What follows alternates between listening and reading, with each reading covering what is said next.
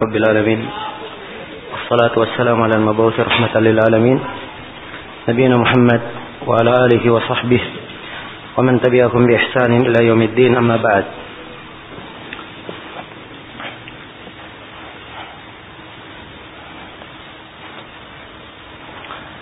Baik, ini majelis yang ke-33 Ya. Dari penjelasan kitab Ad-Durrul Bahiyah fil Masail al-Fiqhiyah karya al-Imam Asy-Syaukani rahimahullahu taala.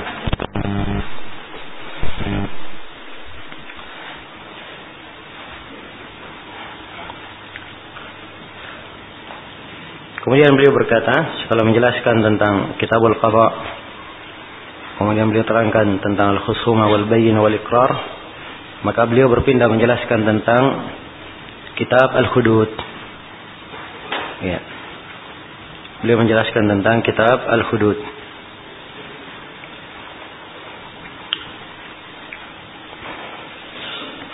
Al-Hudud secara bahasa jama dari had. Jama dari had. Dan al-had artinya adalah al-mana. Adalah apa? Al-mana yang menahan, yang mencegah. Kalau dikatakan hududullah batasan-batasan had-had atau hududullah batasan-batasan Allah artinya dia adalah perkara-perkara yang diharamkan oleh Allah diharamkan untuk dilakukan dan diharamkan untuk dilanggar. Ya. Jadi ini makna hudud secara apa? Secara bahasa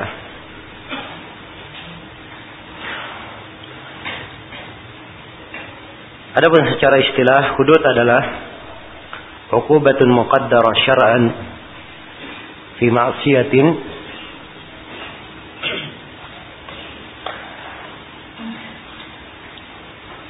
litamna min al-wuqu'i fi mithliha. Hudud adalah uqubah muqaddarah. Dia adalah hukuman yang telah ditetapkan. Ya. Jadi kalau dikatakan had dia hukuman telah apa? Ditetapkan. Kalau misalnya dia mencuri dengan ketentuannya, maka dipotong misalnya tangannya. Ya, itu had. Telah ditakdir, dipotong tangannya. Kalau dia misalnya berzina, apabila dia belum menikah maka dicambuk seratus kali dan diasinkan selama setahun. Kalau dia telah menikah maka dia apa? Dirajam. Ini hukubah hukum yang sudah ditentukan secara syariat. Kalau melakukan kemaksiatan-kemaksiatan, dan hukuman ini dijatuhkan untuk apa? untuk menahan jangan sampai ada yang jatuh ada yang melakukan semisal dengan itu. Jelas ya? Ini al-hudud. Dan kadang para ulama membahasakan kitabul hudud ini dengan bahasa al-jinayat. Dengan bahasa al-jinayat. Jelas? Ini dilihat kepada bentuk pelanggarannya. Kalau hudud adalah bentuk apa? Hukumannya. Kalau jinayat itu bentuk pelanggarannya. Dan al-jinayah artinya secara bahasa adalah at-ta'addi yang melampaui batas pada badan, pada harta maupun pada kehormatan. Jadi jinayah melampaui batas pada badan, pada harta maupun apa? Kehormatan. Kalau jinayahnya terkait dengan badan, terkait dengan badan, ini yang ditulis oleh para ulama pembahasan tentang al-jinayat. Itu pembahasan apa? Tentang al-jinayat. Dan ada kisos nanti di belakangnya. Jelas ya? Kalau? Pelampauan batasnya terkait dengan harta dan kehormatan, maka ini ada pembahasan Kitabul Hudud. Pembahasan apa? Kitab Al-Hudud. Ya. Demikian. Baik.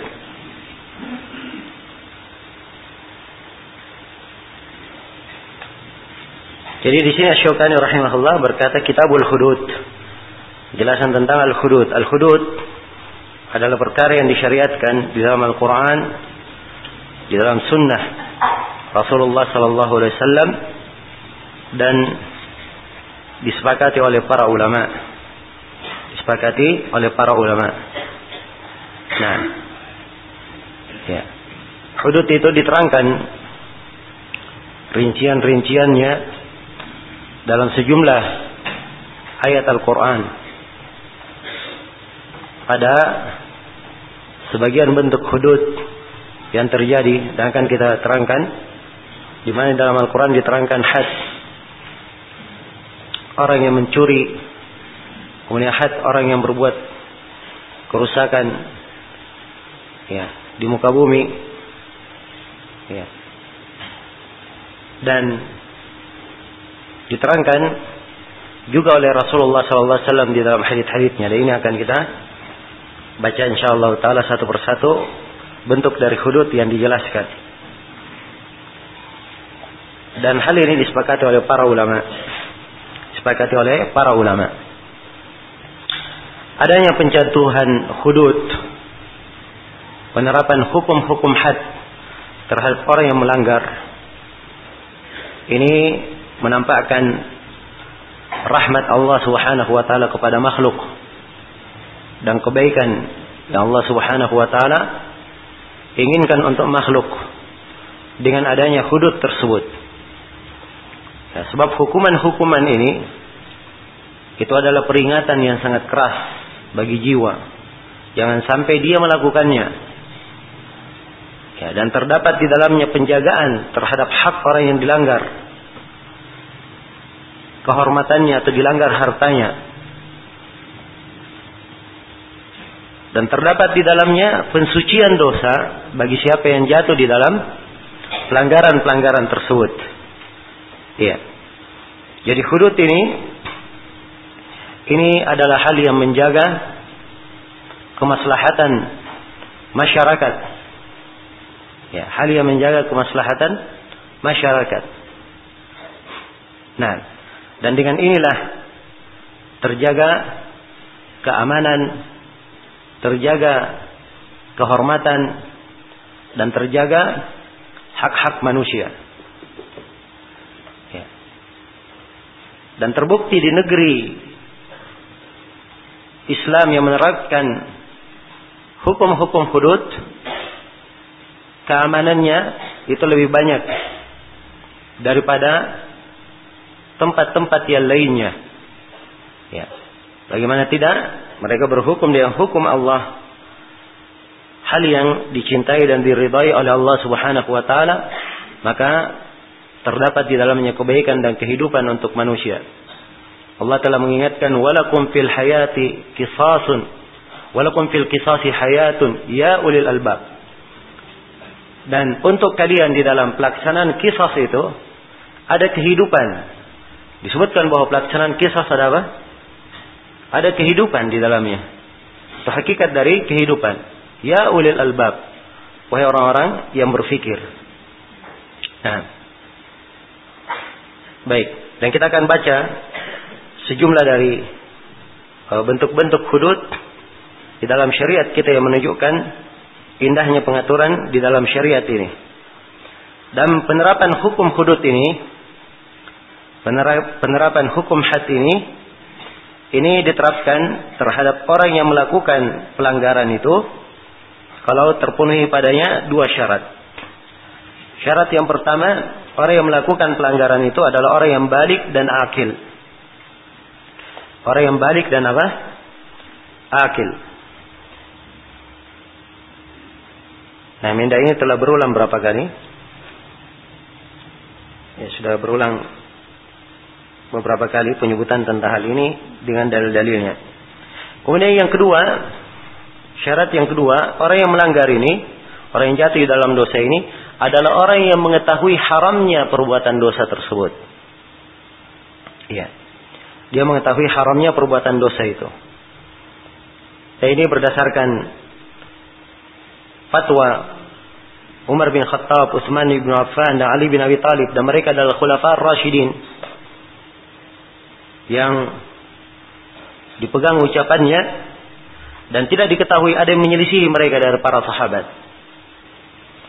Ya. Maka yang ditegakkan padanya hukum adalah orang yang mengetahui apa? keharamannya. Dan Nabi sallallahu alaihi wasallam berkata kepada Unais, "Wahai Unais, pergilah engkau kepada istri orang ini, kalau dia mengaku, maka rajamlah dia." Jadi penyebutan pengakuan fa'in i'tarafat, dia mengaku. Ya. Dan pengakuan menunjukkan dia melakukannya dan tahu bahwa itu kesalahan. Ya. Jelas ya? Maka ini di antara syarat atau syarat ditegakkannya hudud. Ya, penegakan hudud. Kemudian di dalam pembahasan hudud ini para ulama itu membahas lima perkara. Sebab hudud yang berkaitan dengan jinayat itu pada lima hal. Yang pertama pada zina. Yang kedua pada mencuri. Yang ketiga pada apa?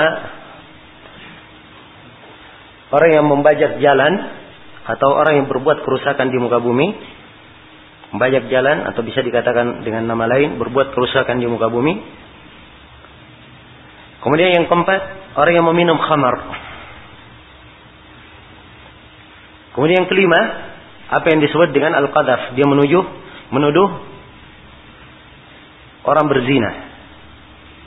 Ini lima hukum hudud yang dipastikan batasan-batasannya.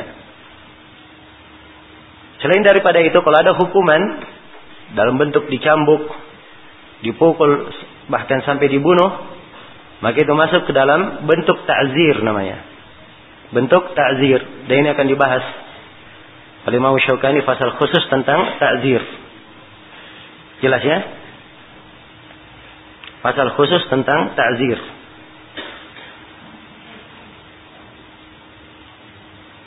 Iya.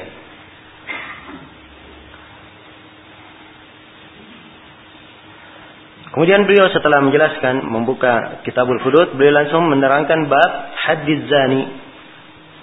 Bab tentang had seorang pezina. Had seorang apa? Pezina. Ya. Zina ini adalah dosa yang termasuk dosa yang sangat keji. Dosa yang sangat keji. Dalam Al-Quran Allah berfirman, "Wala taqrabuz zina innahu kana fahishatan wa sa'a sabila." Jangan kalian mendekati zina. Sungguhnya zina itu adalah suatu kekejian dan jalan yang paling jelek. Iya. Kalau zina tersebut terjadi dari orang yang sudah muhsan, sudah berkeluarga, maka ini lebih jelek lagi dan lebih besar lagi dosa dan hukuman terhadapnya. Dosa dan hukuman terhadapnya. Para ulama yang mendefinisikan zina dalam istilah ahli fikih, mereka katakan bahwa zina adalah melakukan kekejian pada kubul maupun pada dubur. Jadi dia melakukan kekejian ya.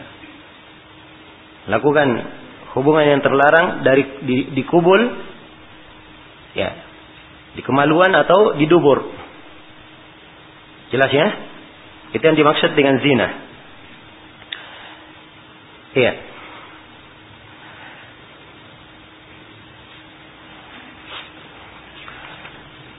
Dan orang yang berbuat zina ini disebutkan di dalam Al-Quran tentang hukumnya. Ya, apa ketentuan baginya? Allah Subhanahu wa taala berfirman, Az-zani waz-zaniyatu taib. Az-zaniyatu waz-zani fajlidu kulla wahidin minhuma mi'ata jaldah. Ya. Laki-laki dan perempuan yang berzina maka cambuklah keduanya berapa kali? Ya. Seratus kali cambuk. Nah, kemudian kita diperintah untuk melakukan hukum tersebut. Dan kita diingatkan ya, wala ta'khudkum bihima ra'fatun fi dinillah. Jangan kalian ada merasa kasihan di dalam melaksanakan agama ini, dalam menjalankan apa yang diterangkan dari hudud ini. Kemudian diperintah juga waliyashhad adabahuma ta'ifatun minal mu'minin. Dan hendaknya siksaan untuk keduanya itu disaksikan oleh sebagian dari kaum mukminin. Ya, karena itu pelaksanaan-pelaksanaan hukum-hukum had di dalam syariat kita itu dilaksanakan di tempat-tempat umum atau di tempat yang sudah disiapkan. Ya. Di tempat yang telah disiapkan. Lapangan-lapangan yang telah disiapkan agar supaya manusia menyaksikannya. Manusia apa? Menyaksikannya. Ya. Kalau ini dipersaksikan, maka tentunya akan menjadi pelajaran bagi siapa? Bagi kaum muslimin untuk tidak mengulanginya. Berbeda kalau pelaksanaan hudud itu secara rahasia, secara ya sembunyi-sembunyi atau hanya dilakukan di tempat khusus, tidak disaksikan oleh umum, maka ini tidak memberikan apa maksud dari penegakan hukum, yaitu membuat jerah orang-orang selain dari yang dihukum supaya tidak melakukan seperti itu. Iya. Jelas ya? Maka ini bentuk dari hudud yang disyariatkan di dalam agama kita. Wal yashhad adabahuma ta'ifatun minal mu'minin. Hendaknya hukuman mereka ini siksaan untuk mereka disaksikan oleh satu taifah dari kaum mukminin, satu kelompok dari kaum mukminin. Nah, kemudian dari sini juga kita bisa memahami secara umum bahwa di dalam agama kita, ya, di dalam pelaksanaan hukum-hukum had yang ditampilkan kepada manusia, kalau misalnya ada yang melanggar, disebutkan apa kesalahannya dan diperlihatkan bagaimana hukumannya. Diperlihatkan apa? Bagaimana hukumannya. Dan ini yang terbalik di masa ini. Ya. Justru ya, orang-orang yang berbuat pelanggaran ya, bentuk dari pelanggarannya itu yang diekspos besar-besaran. Disebarkan besar-besaran. Ini berbuat zina. Ini menyebarkan apa namanya e, gambar atau video yang ada di dalamnya perzinahan. Ya. Berita yang seperti ini disebarkan. Ya. Hukumannya ya, kalaupun ada hukumannya, hukuman ya palingan sebagian cuma dinasihati. Diberitahu orang tuanya jangan diulangi lagi. Ya. Padahal jelas-jelas berbuat apa? Berbuat zina waliyadzubillah. Ya. Jelas-jelas berbuat perzinahan. Dan ini bukan cuma berbuat perzinahan. Kalau dia ada menyebarkan dari perbuatannya, maka ini dia masuk ke dalam hukum lain, menyebarkan kekejian. Dan ini bisa diberi hukum ta'zir. Ya. Dan di pengadilan hukumannya bisa sampai hukuman mati. Bagi siapa yang menyebarkan kekejian itu sehingga orang mengambil pelajaran darinya dan melihat kekejian tersebut. Jelas? Ya. Karena itulah ya kalau banyak yang mengeluh ya fenomenanya kenapa terlalu banyak ya tersebar kekejian-kekejian tersebut ya akibatnya karena memang tidak ada ya tidak ada hukuman yang bisa memberikan pelajaran ya dan membuat mereka jerah untuk melakukannya jelas ya maka ini diperhatikan bagaimana keindahan syariat Ya, bagaimana keindahan syariat di dalam hal ini. Ya, dan sebagian orang dari kalangan kaum munafikin dan orang-orang kufar, ya, mereka hanya melihat di satu sudut saja. Ini hukum, ya, ini dicambuk, ini dirajam, ya, kemudian ini apa dikisah dengan dibunuh, ya. Mereka katakan ini keji atau ini kejam. Ya. Perhatikan ya bagaimana ucapan orang-orang yang tidak punya akal dan tidak tahu kemaslahatan. Ya, dia menganggap keji orang yang mencuri dipotong tangannya. Ya. Dan dia tidak pernah memperhitungkan bagaimana keadaan seorang apabila dia kehilangan barangnya atau dia kehilangan hartanya. Ya.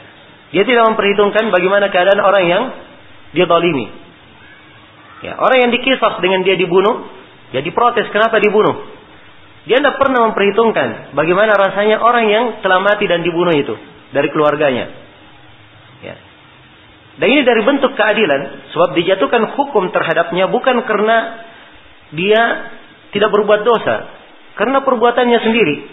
Dan dijatuhkan hukum sedemikian rupa, ini memberi pelajaran kepada selainnya, jangan sampai dia jatuh dalam hal yang semisal dengan itu. Ya, jelas ya? Jadi kalau hukumannya membuat orang jerah, maka ini akan menyebabkan ya orang-orang yang zalim takut untuk melakukan kezalimannya. Jelas ya? Maka di sinilah nikmatnya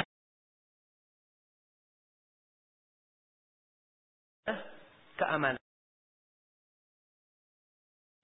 Karena itu memang di dalam pengaturan kemasyarakatan ya harus dibedakan. Ya. Dan harus didudukkan semua bentuk kasih sayang. Islam itu semuanya adalah apa? Kasih sayang. Ya. Ada kasih sayang kepada orang yang dibalimi dan ada kasih sayang terhadap orang yang membalimi.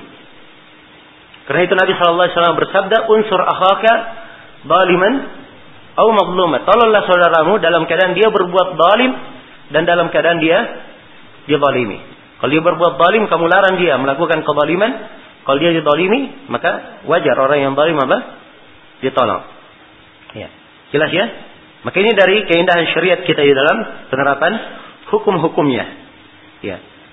Dan ini yang banyak dilalaikan oleh manusia. Banyak dilalaikan. Ya. Lebih senang membuat hukum-hukum ya, yang dibuat oleh manusia itu sendiri. Ya, yang dibuat oleh manusia itu sendiri. Dan ini termasuk kekeliruan yang sangat besar yang harusnya setiap orang itu bertakwa kepada Allah Subhanahu wa taala dengan sebenar-benar takwa. Sebab kita diperintah untuk berhukum dengan hukum Allah.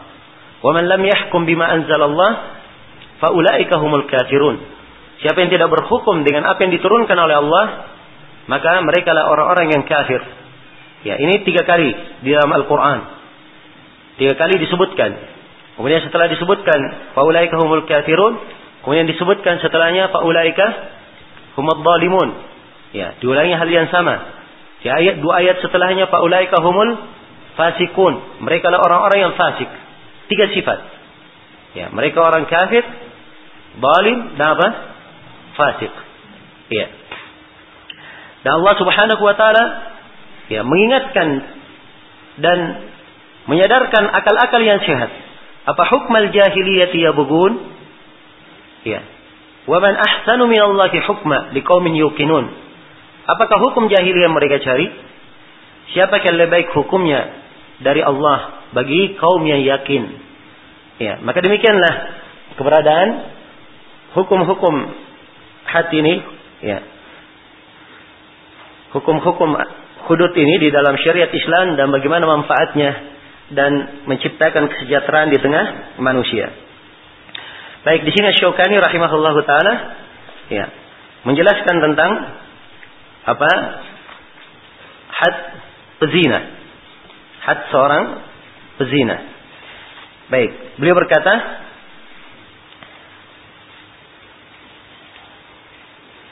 Ya. Kata beliau, "In kana bikran hurran julida mi'ata jaldah." Ya. Kalau dia adalah seorang yang bikron, ya masih perawan, maksudnya dia belum apa? Belum nikah. Hurran dan seorang yang bebas, julida mi'ata jarrah. Eh, mi'ata jalda. Maka dia dicambuk dengan seratus kali cambukan. Wa ba'da jil yugarrabu aman. Dan setelah dia dicambuk, maka dia yugarrab ditagrib, diasingkan selama selama setahun. Ya. Dalil tentang hal ini adalah ayat Al-Qur'an. Allah Subhanahu wa taala berfirman, "Az-zaniyatu waz-zani fajlidu kulla wahidin minhuma mi'ata jaldah." Laki-laki dan perempuan yang berzina atau perempuan dan laki-laki yang berzina, maka cambuklah setiap dari keduanya seratus kali. Ya. Seratus cambukan. Dan di dalam hadits Abi Hurairah juga datang dari hadits Zaid bin Khalid, riwayat Bukhari dan Muslim, seorang lelaki dari Arab datang kepada Nabi sallallahu alaihi wasallam. Dia berkata, "Ya Rasulullah, unshiduka unshiduka Allah illa qadaita li bi kitabillah." Iya. Orang Arab ini dia berkata, "Ya Rasulullah, saya memohon kepada Allah." Ya, atau saya meminta kepadamu dengan nama Allah agar supaya engkau memutuskan untukku dengan apa? Kitab Allah. Wa qala al-khasmul akhar, maka berkatalah ya. Teman dia ber, ber, berselisih ya. Jadi dua yang datang, Arabi dan yang satunya lagi. Maka yang satunya ini berkata dan dia lebih fakih darinya. Dia lebih fakih. Ya. Lebih fakihnya bagaimana? Kenapa dari ibaratnya? Dia berkata, "Faqdi bainana bi kitabillahi wa dan li."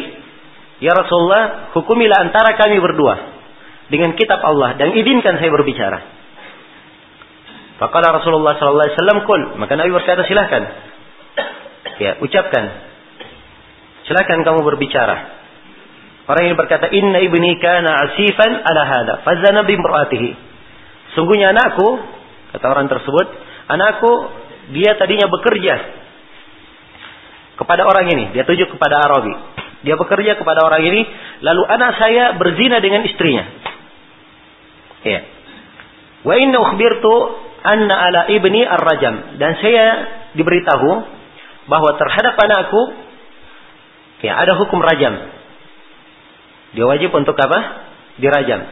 Faqtadaitu minhu bimi'ati syatin wa walidah. Maka saya pun membayar menebus anak saya dengan membayar 100 kambing dengan seorang budak perempuan yang menjaga kambing itu.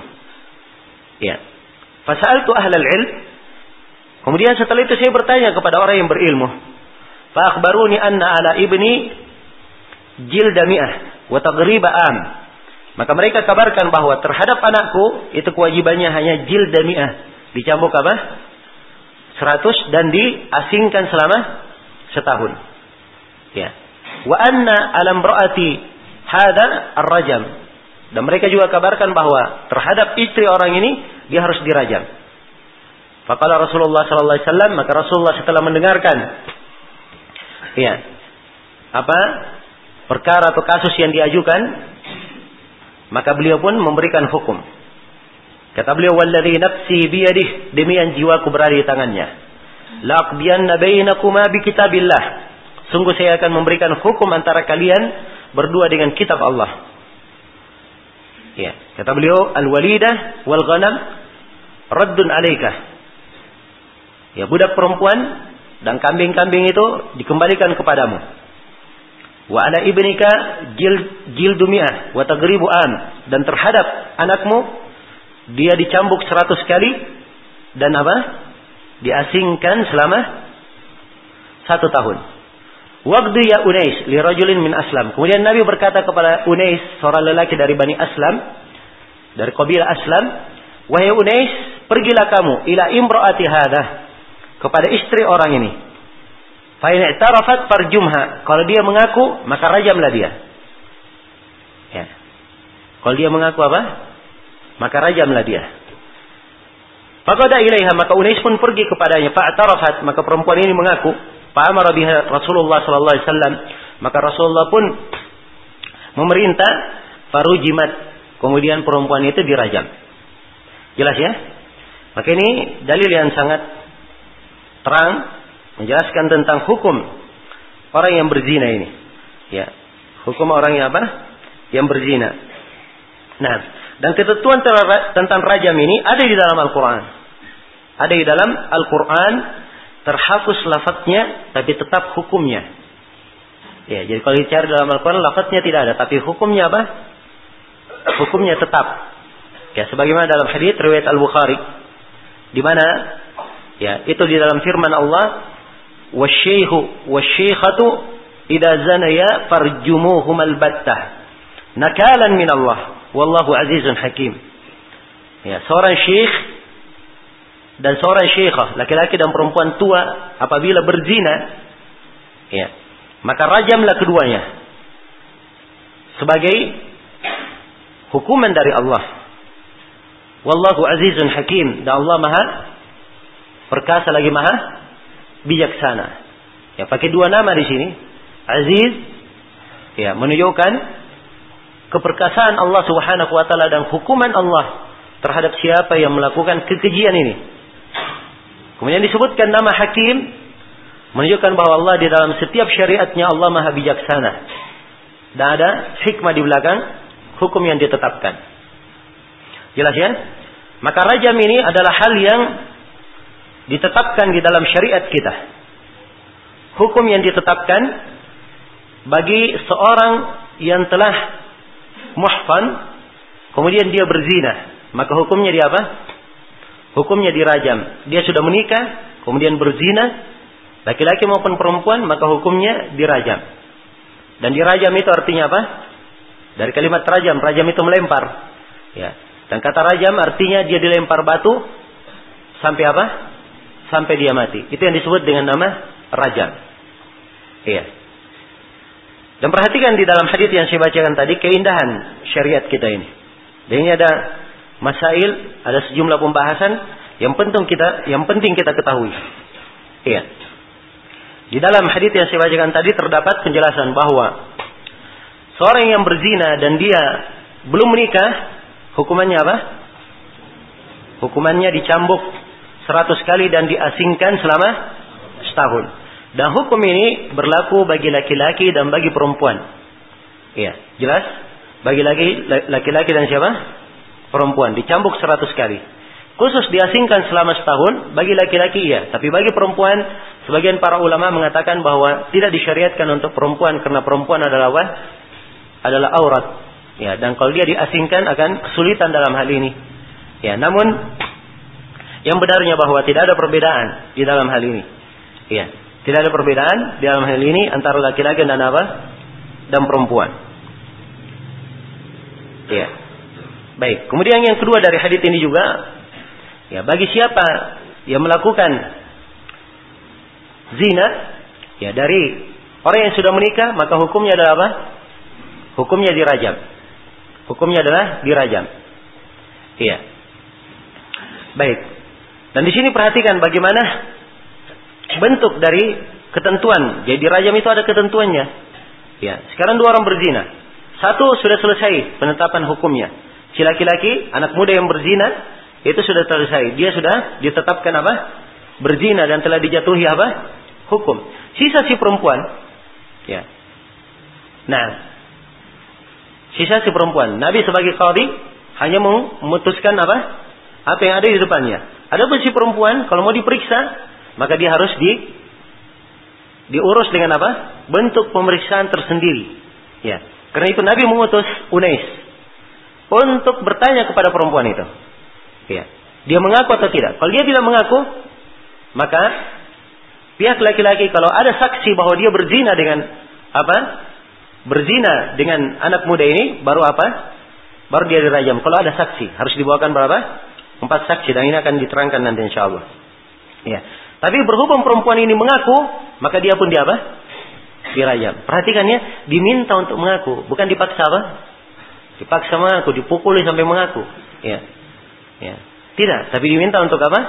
Dia mengaku. Kalau dia mengaku, baru dijatuhkan hukum rajam. Jelas? Ya. Kemudian hukum rajam yang diterapkan di sini, ya. Baik. Akan di uh, atau kita akan jelaskannya bagaimana uh, apa bentuk rajamnya. Kita akan jelaskan nanti. Jadi secara global tentang masalah orang yang berzina ini.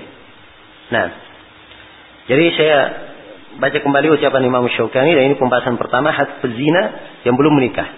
Kata beliau in kana bikran hurran julida mi'ata jaldah wa ba'da al-jald wa ba'da al-jald yugharrab aman. Ya, apabila dia adalah seorang yang belum menikah bebas maka dicambuk seratus kali. Setelah dicambuk diasingkan selama setahun. Dan ini telah kita baca dalilnya. Ya, kemudian kata uh, beliau kata Syaukani, "Wa in kana tayyiban julida kama yujladul bikr, thumma rujima hatta yamut." Kalau dia adalah seorang sayyib, ya, kalau dia adalah seorang sayyib, itu orang yang telah menikah, ya, maka dia dicambuk seperti orang yang belum menikah dicambuk. Kemudian setelah itu dia dirajam sampai dia apa? Sampai dia mati. Dirajam sampai mati. Ini had pezina yang telah apa? Telah menikah. Ya. Karena itu rajam di dalam definisinya itu dikatakan ramyun bil hijarah ala zanil muhsin atau ala, ala zanil muhsan hatta yamut. Ya. Melempar dengan batu terhadap pezina yang muhsan sampai dia apa? Sampai dia mati. Sampai dia mati. Nah, jadi syaratkan di sini pezina ini yang dirajam ini dia harus apa? Dia seorang yang muhsan. Dia seorang yang apa? Yang muhsan. Ya, dan kata muhsan itu ya, artinya dia telah apa? menikah dengan nikah akad nikah yang syah kemudian dia telah melakukan hubungan di dalam nikahnya. Karena itu para ulama syaratkan di dalam al-muhsan ya, ada tiga syarat. Syarat yang pertama, ya, dia menikah dengan nikah yang syah. Dia telah menikah dengan nikah, nikah yang apa? Nikah yang syah. Ini syarat yang pertama. Syarat yang kedua, dia telah melakukan hubungan. Telah melakukan hubungan di kubul walaupun sekali. Telah melakukan hubungan di kubul walaupun apa? Walaupun sekali. Ya. Kemudian yang ketiga disyaratkan dia adalah seorang yang balik, hurran, bebas dan akil. Ya. Dan akil. Ini yang disebut dengan orang yang apa? Yang muhsan. Itu ketentuan orang yang muhsan. Jelas ya? Baik. Jadi ini dua orang yang berzina. Jadi orang yang seorang pezina itu ada dua kemungkinan. Dia sudah menikah atau belum apa? Menikah. Kalau dia sudah menikah, hukumnya apa? Dia dirajam. Kalau dia belum menikah, hukumnya apa? Dicambuk seratus kali dan diasingkan ah, selama setahun. Baik. Ini ketentuan umum. Dan di sini juga ada ketentuan umum lainnya yang perlu saya ingatkan bahwa penegakan hukum had terhadap seorang pezina ya disyaratkan padanya dua perkara. Disyaratkan padanya apa? Dua perkara. Yang pertama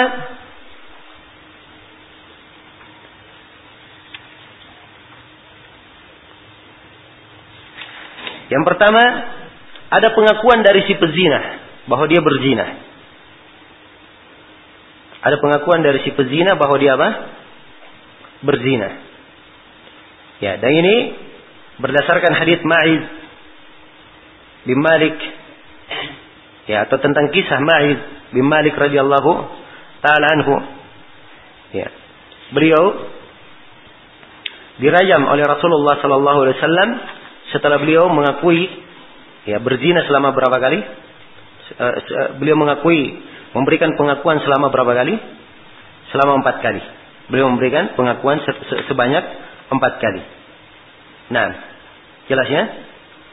Dan penyebutan empat kali di sini ini bukan pensyaratan harus empat. Sebab telah syah pada selain kisah Ma'iz, ya, Nabi menerima pengakuan dengan apa? Sekali saja. Ya, perempuan yang disebut tadi, wahai Unais, pergilah kamu kepada istri orang ini. Ya, kalau dia mengaku berzina maka apa? Rajamlah. Dia mengaku sekali saja. Kemudian setelah itu apa? dirajam. Jadi tidak harus dia mengaku berapa? Empat kali. Nah, Baik, jadi ini syarat yang pertama, dia mengaku. Ada pengakuan dari si pezina. Kalau ada pengakuan dari si pezina, boleh di apa? Ditegakkan hukumnya, ditegakkan padanya hukum had pezina. Kemudian ketentuan yang kedua, orang yang tegakkan padanya hukum pezina, apabila ada yang mempersaksikannya berzina selama sebanyak empat saksi. Apabila ada empat saksi yang mempersaksikan bahwa dia apa? Dia berzina. Ini ketentuan yang kedua. Ya. Dan ini berdasarkan firman Allah Subhanahu wa taala. Walladzina yarmuna al-muhsanati thumma lam ya'tu bi arba'ati syuhada. Orang-orang yang menuduh para perempuan baik-baik berzina lalu dia tidak tidak membawa empat saksi. Ya, dan di ayat setelahnya atau beberapa ayat setelahnya laula ja'u alaihi bi arba'ati syuhada. Andai kata mereka itu membawakan empat saksi. Maka ini menunjukkan bahwa disyaratkan apa? Empat saksi. Ya. Dan juga di surah apa? Di surah An-Nisa tentang istri yang dituduh berzina dikatakan fastashhidu alaihinna arba'atan minkum. Maka mintalah persaksian terhadap mereka empat apa? Empat saksi di antara kalian. Empat saksi di antara kalian. Baik. Jadi disyaratkan ada empat saksi. Ya. Kemudian empat saksi ini kalau mereka memberikan persaksian, persaksiannya diterima dengan beberapa syarat. Syarat yang pertama, empat saksi ini memberikan persaksian dalam satu majelis. Dalam apa? Satu majelis. Ya, jadi berkumpul sekaligus empat saksi, kemudian apa? Mempersaksikan. Iya. Jelas? Kemudian yang kedua, Ya. Kemudian yang kedua dari syarat yang kedua, mereka mempersaksikan ya, zina tersebut pada satu kejadian. Pada apa? Satu kejadian. Ya, dalam kejadian yang sama.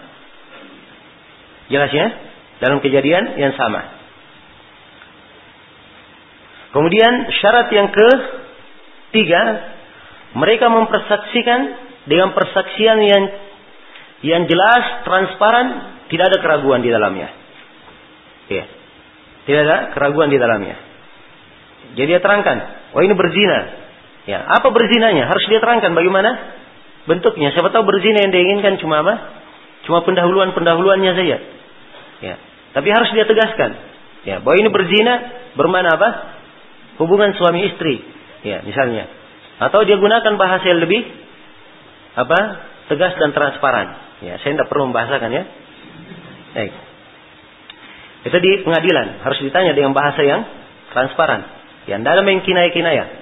Ya, ditegaskan. Ya, sebab ini masalahnya masalah apa? Masalah persaksian dan semuanya harus jelas, yakin, bukan perkara yang mengandung kemungkinan. Kemudian yang keempat disyaratkan empat saksi ini mereka adalah orang yang adil, bukan orang yang fasik. Ya, bukan pula apa? Ya, dan disyaratkan empat saksi laki-laki Sebab dikatakan arba'ah syuhada. Ya, dia disyaratkan laki-laki. Adapun perempuan tidak diterima di dalam hal ini. Nah, kemudian yang keempat atau yang kelima syarat yang kelima, hendaknya mereka ini semuanya ya lepas dari hambatan untuk bersaksi. Ya. Apa tidak mena tidak menanggung cacat yang menghambatnya untuk bersaksi. Misalnya dia buta, ya. Ya, kalau dia buta, bagaimana dia mempersaksikan? Ini orang berzina. Ya. Jelas ya? Tidak boleh dia mempersaksikan selain dari apa? Yang dia lihat. Ya. Tidak boleh dia mempersaksikan hanya dengan oh saya dengar. Ya. Apalagi kalau dia bilang oh saya sangka. Ini lebih tidak diterima. Jelas ya? Baik. Ini lima syarat. Apabila lima syarat ini terpenuhi, maka mereka persaksiannya diterima Empat saksi ini persaksiannya apa? Diterima. Kalau lima syarat ini tidak terpenuhi, maka orang yang bersaksi ini mereka yang di, diberikan hukuman. Ya. Mereka yang dihukum dia hukum apa? Hukum cambuk 80 kali. Sebagai hukum terhadap orang yang menuduh baik-baik dia hukum apa? Berzina. Dan ini akan datang di bab Al-Qadar. Di penjelasan tentang Al-Qadar. Jelas sampai sini ya? Baik.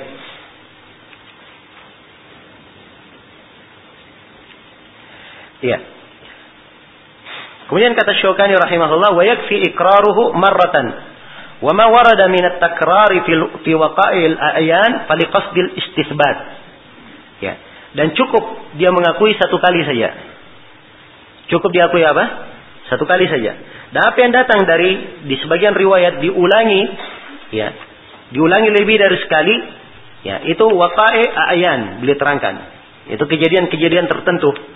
Ya, Nabi hanya menginginkan istisbat. Hanya ingin memperkuat saja. Ya, untuk meyakinkan saja.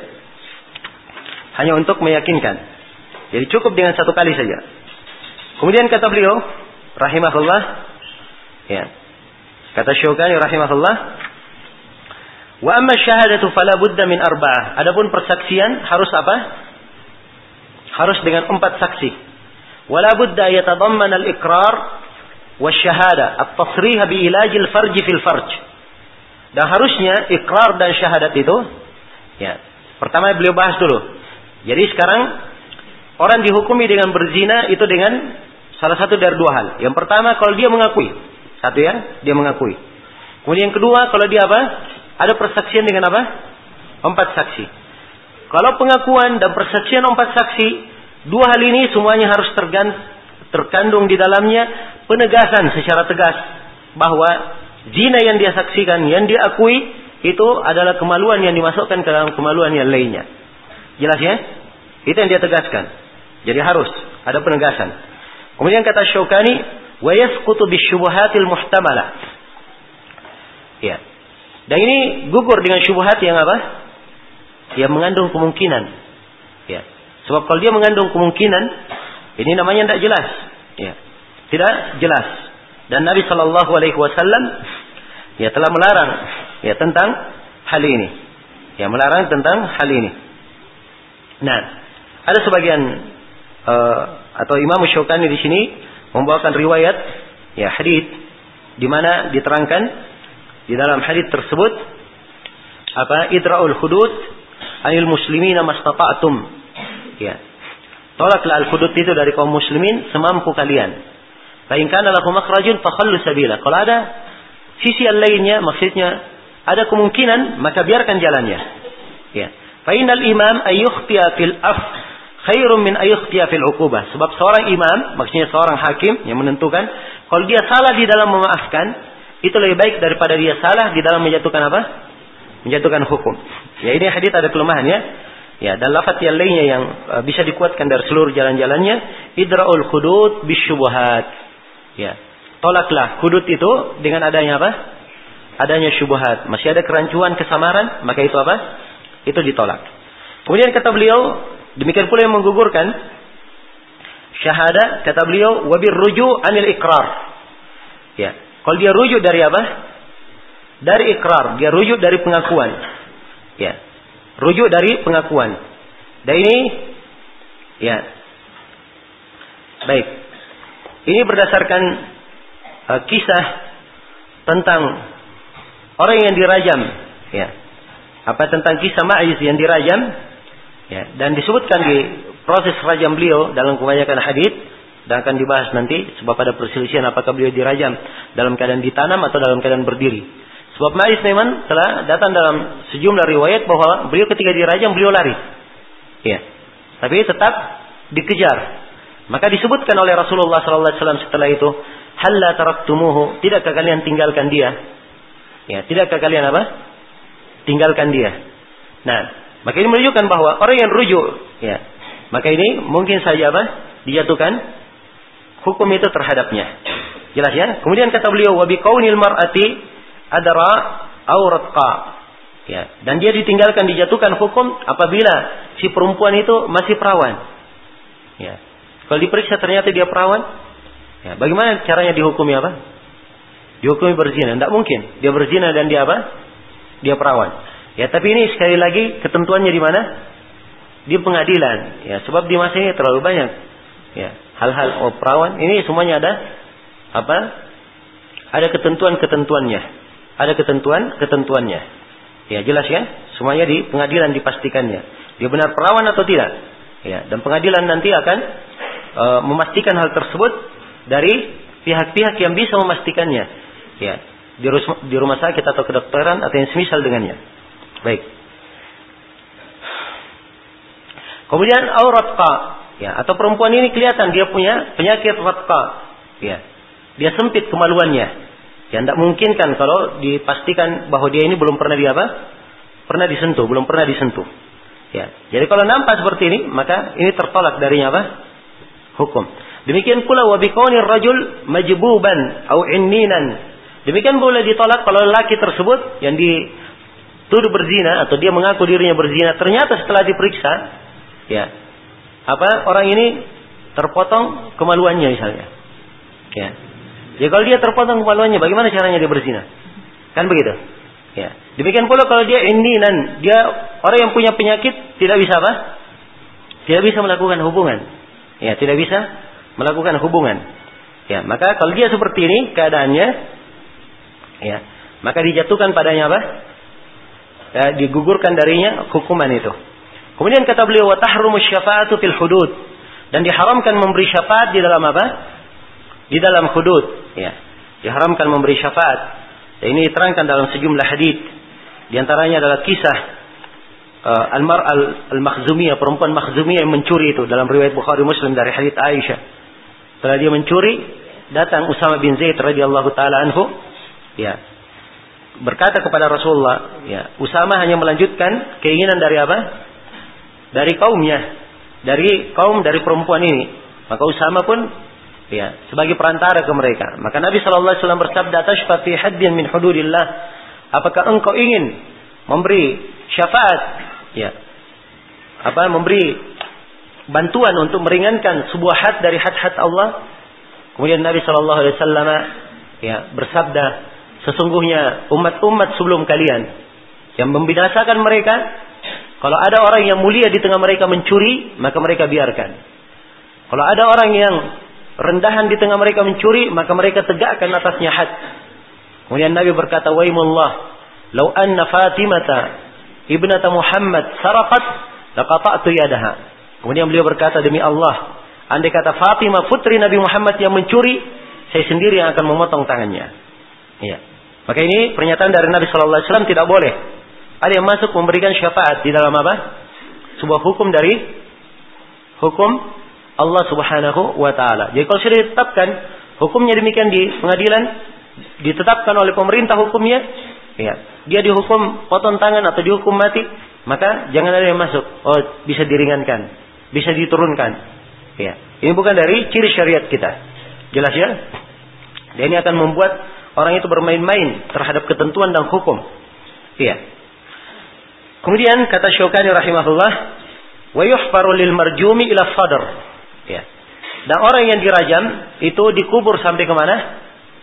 Ke dadanya. Dikubur sampai ke dadanya. Dan ini berdasarkan tentang kisah perempuan Al-Ghamidiyah. Dan ini subhanallah kisah yang menakjubkan tentang perempuan Al-Ghamidiyah ini. Bagaimana dia berzina. Dia datang kepada Nabi Shallallahu Alaihi Wasallam. Ya. Lalu minta untuk apa? Dia minta untuk dirajam. Dia minta untuk dirajam. Nah.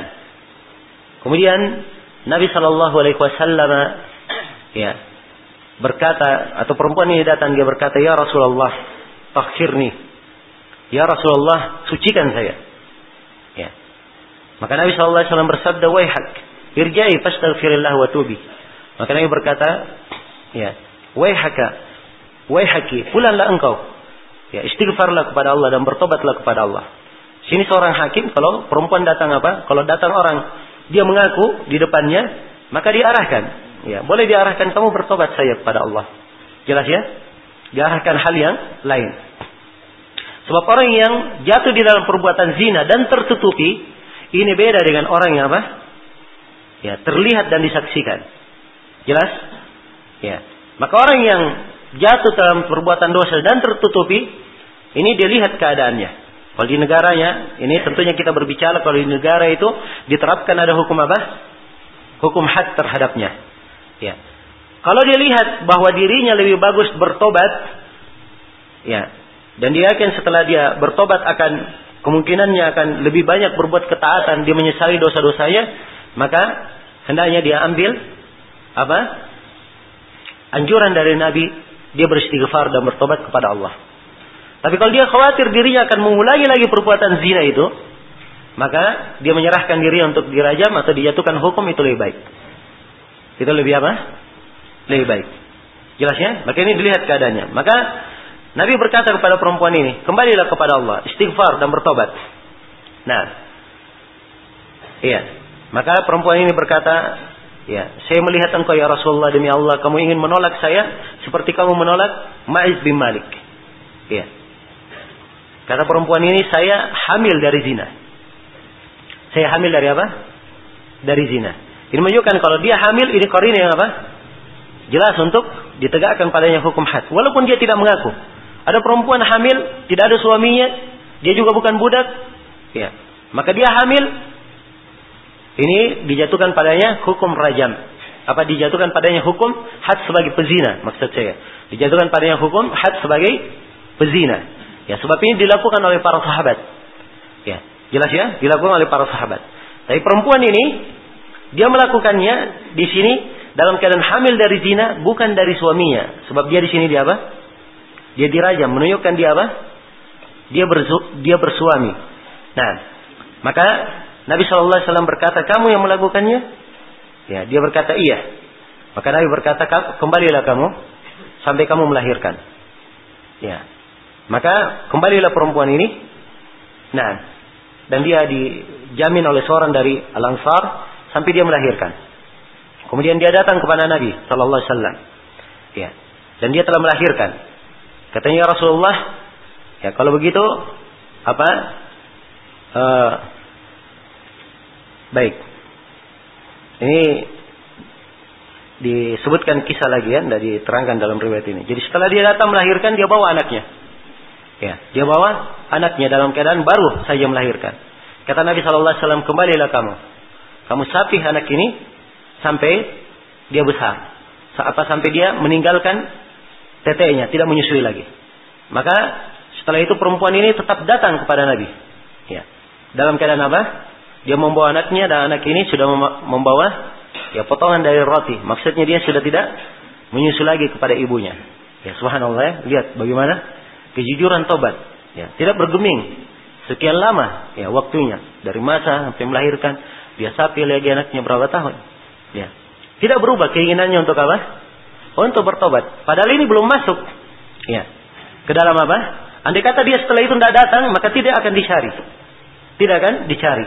Tapi bersama dengan itu tetap dia datang bertobat. Tetap dia apa? Datang bertobat.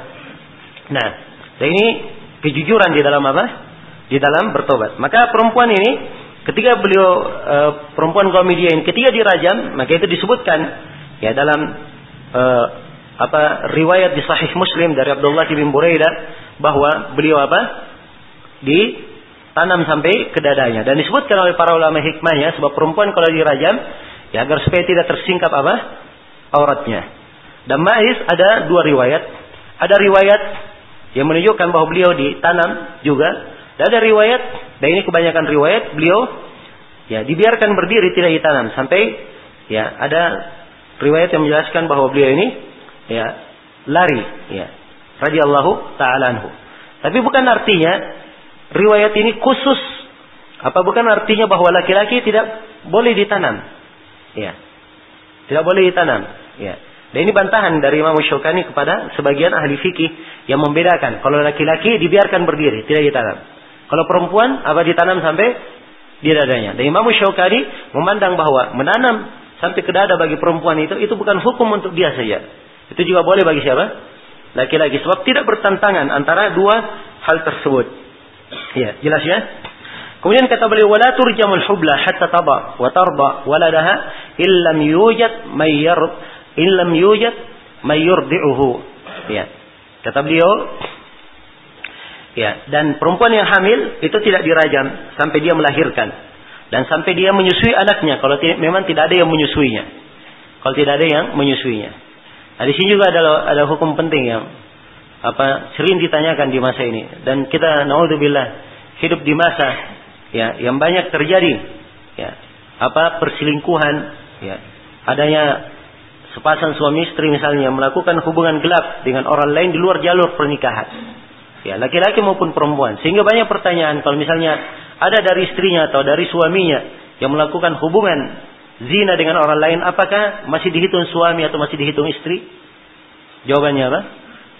Ya, jawabannya iya masih dihitung suami istri. Tidak ada yang membatalkan akadnya. Karena itu istri orang yang apa namanya berzina dengan pekerjaannya itu, Nabi berkata, Ya Unais ugudu ila imraati hada. Wahai Unais, pergilah kamu kepada istri orang ini. Masih disebut apa? Masih disebut istrinya padahal dia sudah berzina. Ya, jelas ya? Adapun terkait dengan rahimnya, apa isinya dan seterusnya, maka asalnya anak yang ada di dalam perutnya itu bagi siapa? Ya, bagi al-firash. Sebab al-waladu lil firash. Dan ini sudah kita bahas ya sebelumnya. Baik. Kemudian kata beliau rahimahullah, kata Syukani wa yajusul jald halal maradi walau bi'ithkal wa nahwihi. Ya. Dan boleh mencambuk di waktu sakit walaupun menggunakan iskal. Ya. Iskal ini apa? Tandan korma. Ya, dia menggunakan tandan korma. Au nahwihi atau yang semisal dengannya. Nah, ini pada orang yang sakit dia harus dicambuk misalnya. Baik ada satu poin tadi saya lupa jelaskannya. Tadi Syukani jelaskan bagi apa? Bagi perempuan yang perempuan yang sudah menikah atau orang yang sudah menikah, kalau dia berzina dia baik, Hah? Dirajam ya. Tadi Syukani sebelumnya sebelumnya sebutkan dicambuk dulu, setelah itu apa? Dirajam. Iya. Ini saya lupa terangkan bahwa ini memang ada dua pendapat. Dan Syukani memandang hal ini. Dan ini salah satu riwayat dari Imam Ahmad. Adapun kebanyakan para ulama, maka dirajam saja tidak dicambuk. Itu pendapat apa? Kebanyakan para ulama. Sebab rajam itu sudah mencukupi apa? Sudah mencukupi cambuk untuknya.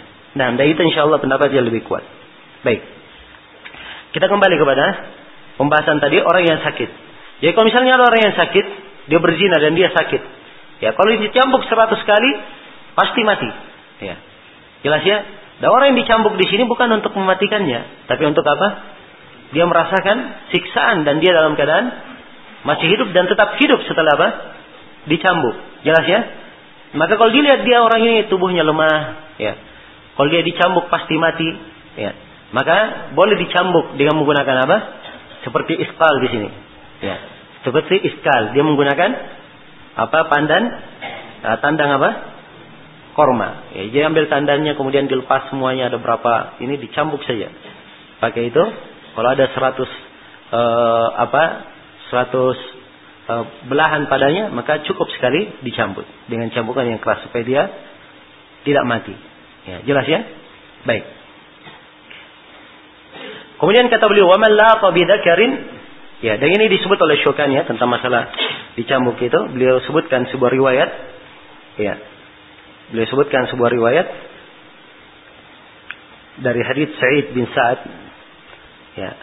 Dan dia bisa dikuatkan riwayatnya bahwa ada seorang yang lemah mukhdaj dia sangat takut kepada orang yang apa sama sama orang sama orang saja dia takut ya dia pernah kemudian dia ditemukan dia menzinahi seorang apa budak perempuan maka Nabi saw perintah supaya dia di apa dijatuhkan hukum had maka dikatakan kepadanya ya Rasulullah dia ini apa sangat lemah dari apa yang engkau kira ya Andai kata kami mencambuk dia seratus kali, maka kami pasti akan membunuhnya. Ya. Maka Nabi Shallallahu Alaihi Wasallam berkata, ambillah iskal, ambillah iskal. Itulah tadi iskal yang kita sebutkan. Pandan dari korma. Fihi mi'atu shimrah. Padanya ada sepuluh apa?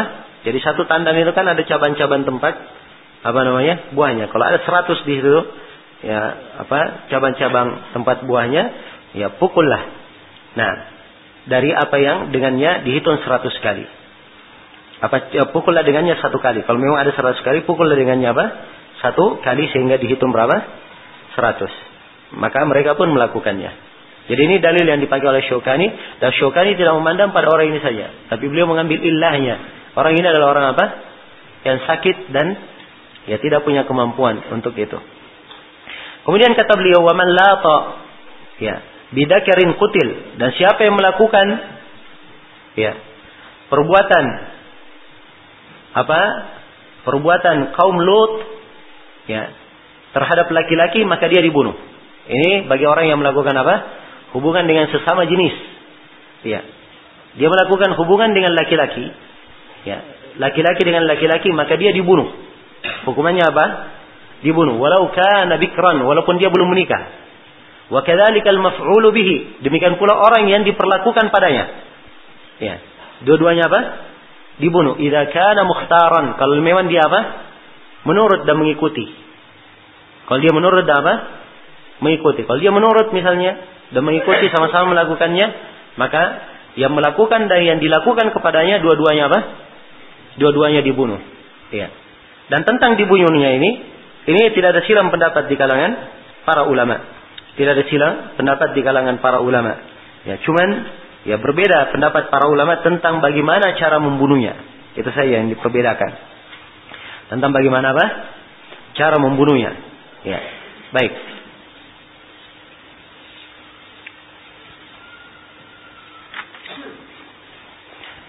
Dan ada hadis yang dikuatkan oleh sebagian para ulama dari seluruh jalan-jalannya.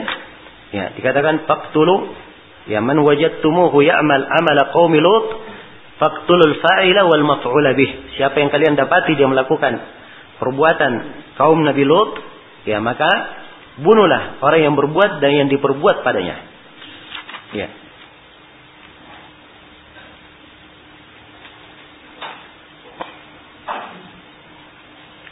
Nah.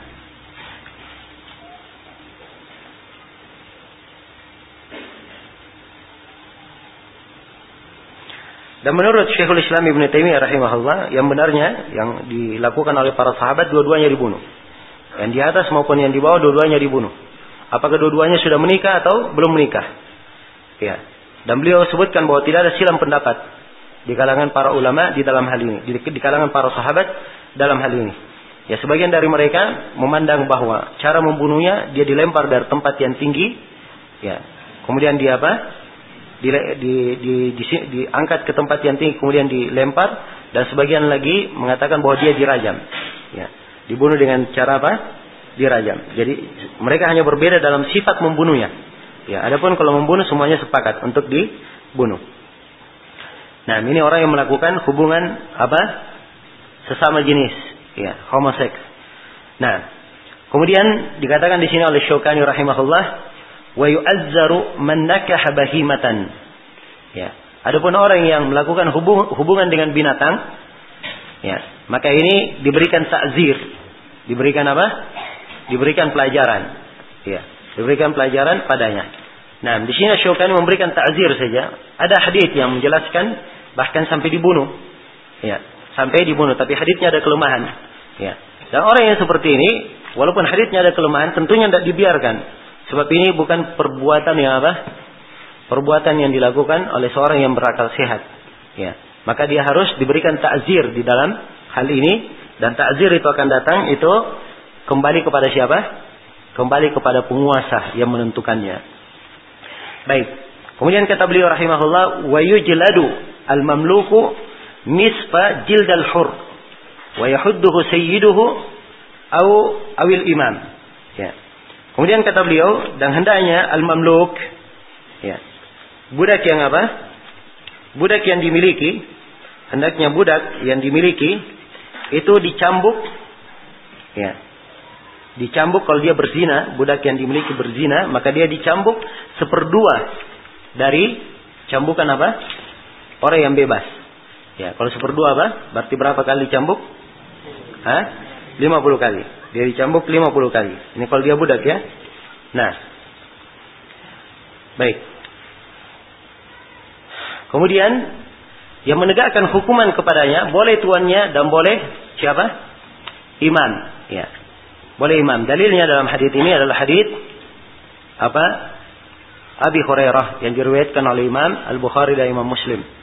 Ya Rasulullah sallallahu alaihi wasallam berkata idza zanat amatu ahadikum apabila ya budak salah seorang dari kalian berzina fatabayyana zinaha kemudian nampak zinahnya itu fal yahuddaha al had hendaknya dia berikan padanya had wala yusarrif alaiha ya dan jangan dia apa menghinakannya thumma in zanat falyajlidaha.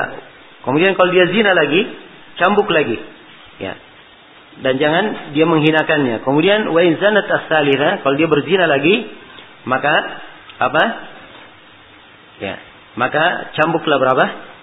Uh, kalau dia berzina lagi menghendaknya, falyabiha hendaknya dia jual. Walau bihabalin min sya'ab, walaupun hanya dengan uh, harga satu tali dari rambut. Ya. Nah, maksudnya ini budak yang seperti ini tidak pantas apa? Tidak pantas lagi untuk dimiliki. Ya, tidak pantas lagi untuk dimiliki. Tidak ada, tidak membawa kebaikan untuk apa? Untuk pemiliknya. Nah, Ya, dan dalil bahwa budak ini hanya dicambuk seperdua, itu dalilnya ayat Al-Quran juga di surah An-Nisa. Fa'idha uhsinna fa'in atayna bifahishatin fa'alayhinna nisfu ma'ala al-muhsanati min al-adab. Ya, kalau mereka mendatangi fahisyah, kekejian, maka mereka mendapatkan seperdua dari apa yang didapatkan oleh orang yang muhsanat, berupa siksaan. Dia dapatkan apa? Seperduanya. Dan ada nas-nas yang lain, ya di dalam hadis Rasulullah SAW yang menunjukkan tentang hal itu, seperti dalam Sahih Muslim dikatakan dicambuk berapa? 50 kali. Dicambuk 50 kali. Ya. Baik. Jadi yang ada pada uh, perempuan ini itu hanyalah apa? Pada budak ini hanya dicambuk 50 kali. Ya. Kalau dia sudah menikah budaknya, apakah dia raja? Ya, jawabannya tidak. Sebab budak asalnya dimiliki, boleh digauli oleh apa? Tuannya. Jadi kata Pak Ida ahsinna itu bukan artinya muhsan bermana apa? Telah menikah tapi muhsan bermana dia telah muslim masuk Islam. Jelas ya? Baik. Ya dan ini salah satu ketentuan ya, salah satu ketentuan yang menunjukkan bahwa apa e, perempuan itu mendapatkan siksaan ya seperdua dari apa? Seperdua dari e, ini salah satu hal yang menunjukkan bahwa perempuan itu dalam sisi hukum dia seperdua dari laki-laki. Ya, seperdua dari apa? Dari laki-laki. Ini dalam masalah apa ini? Ini salah satunya. Di dalam masalah Hah? Uh, bukan di sini ya. Ini uh, budak lain lagi masalahnya. Baik. Uh, di akan datang nanti pembahasan di masalah yang lain. Baik. Saya ingin angkat semua masalah, bukan di sini tempatnya. Kemudian kita lihat di pembahasan berikutnya, jadi masalah dia nanti akan datang. Kemudian berikutnya kata Syaukani rahimahullah babus sarakah. Ini uh, sebelas pembahasan tadi ya, semuanya telah kita bahas. Ya. Kemudian kata beliau babus sarakah bab tentang had pencuri. Ya, tentang had pencuri. Dan di sini ada berapa ada delapan pembahasan yang perlu kita jelaskan. Yang pertama, syarat-syarat penjatuhan hukum terhadap orang yang mencuri. Nah, penjatuhan hukum potong tangan terhadap orang yang mencuri. Ya sebelumnya dalil tentang mencuri ini adalah ayat Al-Quran tentang hukumnya. Allah berfirman, "Wasarik wasariqatu faqta'u aydiyahuma jazaan bima kasaba nakalan min Allah. Wallahu azizun hakim." Laki-laki dan perempuan yang mencuri, maka potonglah tangan keduanya sebagai balasan dari perbuatannya. Ya. Dan sebagai hukuman dari Allah. Dan Allah Maha perkasa lagi maha bijaksana. Nah, ini dari dari Al-Quran yang menunjukkan tentang had seorang pencuri. Jelas ya? Iya. Dan akan kita sebutkan insya Allah taala sejumlah hadis yang menjelaskan tentang dipotongnya tangan seorang pencuri. Nah, Asyokani rahimahullah menjelaskan bagaimana ketentuan-ketentuan potong tangan terhadap siapa? Orang yang mencuri. Kata beliau, man saraka mukallafan mukhtaran min hirzin rubu'a dinarin fasaidan quti'at kaffuhu al-yumna. Ini ketentuannya. Siapa yang mencuri? Perhatikan ya kalimatnya. Dia apa? Mencuri. Mukallafan. Dan dia adalah seorang yang apa? Mukallaf. Mukhtaran. Dalam keadaan dia apa? Sengaja melakukannya. Tidak dipaksa. Min hirzin dia dia mencuri sesuatu yang dijaga. Sesuatu yang dijaga. Ya barangnya misalnya disimpan di mana? Di peti atau disimpan di di di lemari, ya. Jelasnya sesuatu yang terjaga. Rubu adinar. Dia mencuri seperempat dinar fasaidan lebih. Ya. Maka quti'at kaffuhul yumna, maka akan dipotong tangan apa? tangan kanannya. Apa yang dipotong adalah telapak tangan kanannya. Ya, jadi ayat yang disebut wasarik wasarikatu laki-laki dan perempuan yang mencuri potonglah tangan-tangan keduanya. Tangan di sini yang dimaksud apa? Telapak tangan sampai ke pergelangan. Sebab itu yang mencuri. Itu yang berbuat sampai situ saja. Tidak dipotong semuanya. Ya, jelas ya. Dan yang dipotong adalah yang kanannya. Yang dipotong adalah apa? Yang kanannya. Maka di sini disebutkan syarat-syarat. Nah, jadi kalau kita detailkan syarat-syarat seorang dipotong tangannya karena mencuri, ada beberapa apa? Ada beberapa syarat. Syarat yang pertama, ya, dia mengambil dengan bentuk yang apa? Bentuk tersembunyi, rahasia. Jelas ya? Bentuk tersembunyi. Karena itu itulah makna kata saraka. Sebab saraka itu artinya apa? Hah? Dia mencurinya tidak kelihatan, tidak ketahuan atau dalam bentuk yang tidak nampak. Ya, kalau dia nampak bukan mencuri apa ya, tapi apa? Merampok, ya, ya, atau apa? Menjigal orang atau dia merampas. Itu semua bahasa-bahasa yang apa? Yang terang-terangan. Ya, kalau mencuri dia apa? Tidak nampak. Nah, baik. Ya kalau ada yang merampok, ya, maka ini bukan dia apa? dipotong tangannya. Ada hukum lainnya. Kalau dia apa dia merampas, ini ada hukum lainnya, tidak dipotong tangannya. Jelas ya? Dan itu akan datang Syukani sendiri akan menjelaskan nanti. Kemudian kata beliau, wa minal awsafi, eh, baik, yang kedua syarat yang kedua, syarat yang kedua barang yang dia curi itu adalah barang yang dihormati. Barang yang apa? Yang punya uh, harga dan kehormatan. Iya, jelas? Jadi kalau barangnya misalnya adalah barang yang tidak terhormat seperti alat-alat musik, khamar, ya, atau babi, ya, atau bangkai, ada yang mencuri hal itu, maka ini ada potong tangan atau tidak? Tidak ada potong tangan. Jelasnya? Baik. Kemudian syarat yang kedua, disyaratkan yang dicuri itu mencapai nisab, mencapai nisabnya. Berapa nisab yang dicuri? Ya, seperempat dinar. Seperempat dinar. Nah, atau dia di ukuran dahulu tiga berapa? Tiga dirham. Seperempat dinar bermana tiga dirham. Ya, atau apa yang semisal dengan uang di masa ini. Tanya saja satu dinar itu ukurannya berapa satu dinar? 4,25 gram. Jadi seperempat. 4,25 bagi berapa? Bagi berapa? Bagi empat. Ya bagi empat saja. Berarti satu gram koma. Hah? Koma berapa? Waduh. Koran cepat menghitungnya. Ya. Sekitar 1,6 begitu ya. Berarti uh, ya 1,1 uh, 1,16. Ya. Sekitar itu. Baik. Atau 1,6. Ya, 1,6. Kalau 1,6 lebih ya, berarti 1,16. Iya. Atau 1, 06. Ya. Begitu ya? 1,06. Ya, 1,06. So, kalau dibagi kali 4 ya berarti 25 kan? Baik. Jadi dihitung saja harganya berapa? Ya, misalnya 4,25 gram itu harganya dengan rupiahnya berapa? Ya, 1 gramnya anggaplah terhitung eh, 200 ribu. Ya, berarti dapat berapa dia? 850 ribu. 850 ribu bagi 4. Nah, 850 ribu bagi 4 dapat berapa? 200? Hah? Ya 211 ribu sekitar itu. Ya jelas ya? Baik.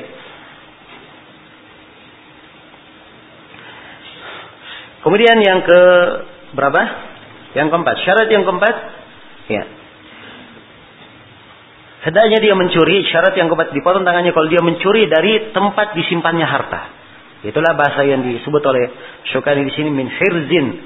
Dan hirz itu adalah tempat yang biasanya harta disimpan di situ. Ya, jelas ya? Harta yang apa disimpan di situ, disimpan di lemari, tempat uang, ya. Jelas? Tapi kalau dia mencuri di tempat terbuka misalnya, hal yang terbuka di luar di luar rumahnya, ya, di apa namanya di di di dalam rumah tapi ya dia tetap di luar ter, ter, terpasang, ini tidak masuk di dalamnya. Baik. Kemudian yang ke berapa? syarat yang kelima, ya, syarat yang kelima tidak ada syubhat. Ya, di dalam apa? pencuriannya ini, tidak ada syubhat di dalam apa? Di dalam pencuriannya. Nah, ini berapa syarat? Lima syarat. Dan Syukani sebutkan di sini mukallafan muhtaran. Dan ini syarat pada semua hal yang lainnya, sebab dia harus mukallaf dan harus apa? Harus dalam keadaan dengan pilihannya sendiri. Adapun kalau dia dipaksa tidak ada hukum terhadapnya. Baik, adapun tentang syarat-syarat ini, ya ini diterangkan ya di dalam hadis-hadis Rasulullah Shallallahu Alaihi Wasallam tentang ketentuan dan harusnya dia dengan syarat yang disebutkan oleh Syaukani rahimahullah taala. Ada yang hadisnya dalam uh, riwayat Bukhari dan Muslim, ya yuqtal as yadus sariq fi rubu' dinar fasaidan. Ya. Tangan seorang pencuri itu dipotong pada seperempat dinar atau lebih. Seperempat dinar atau apa?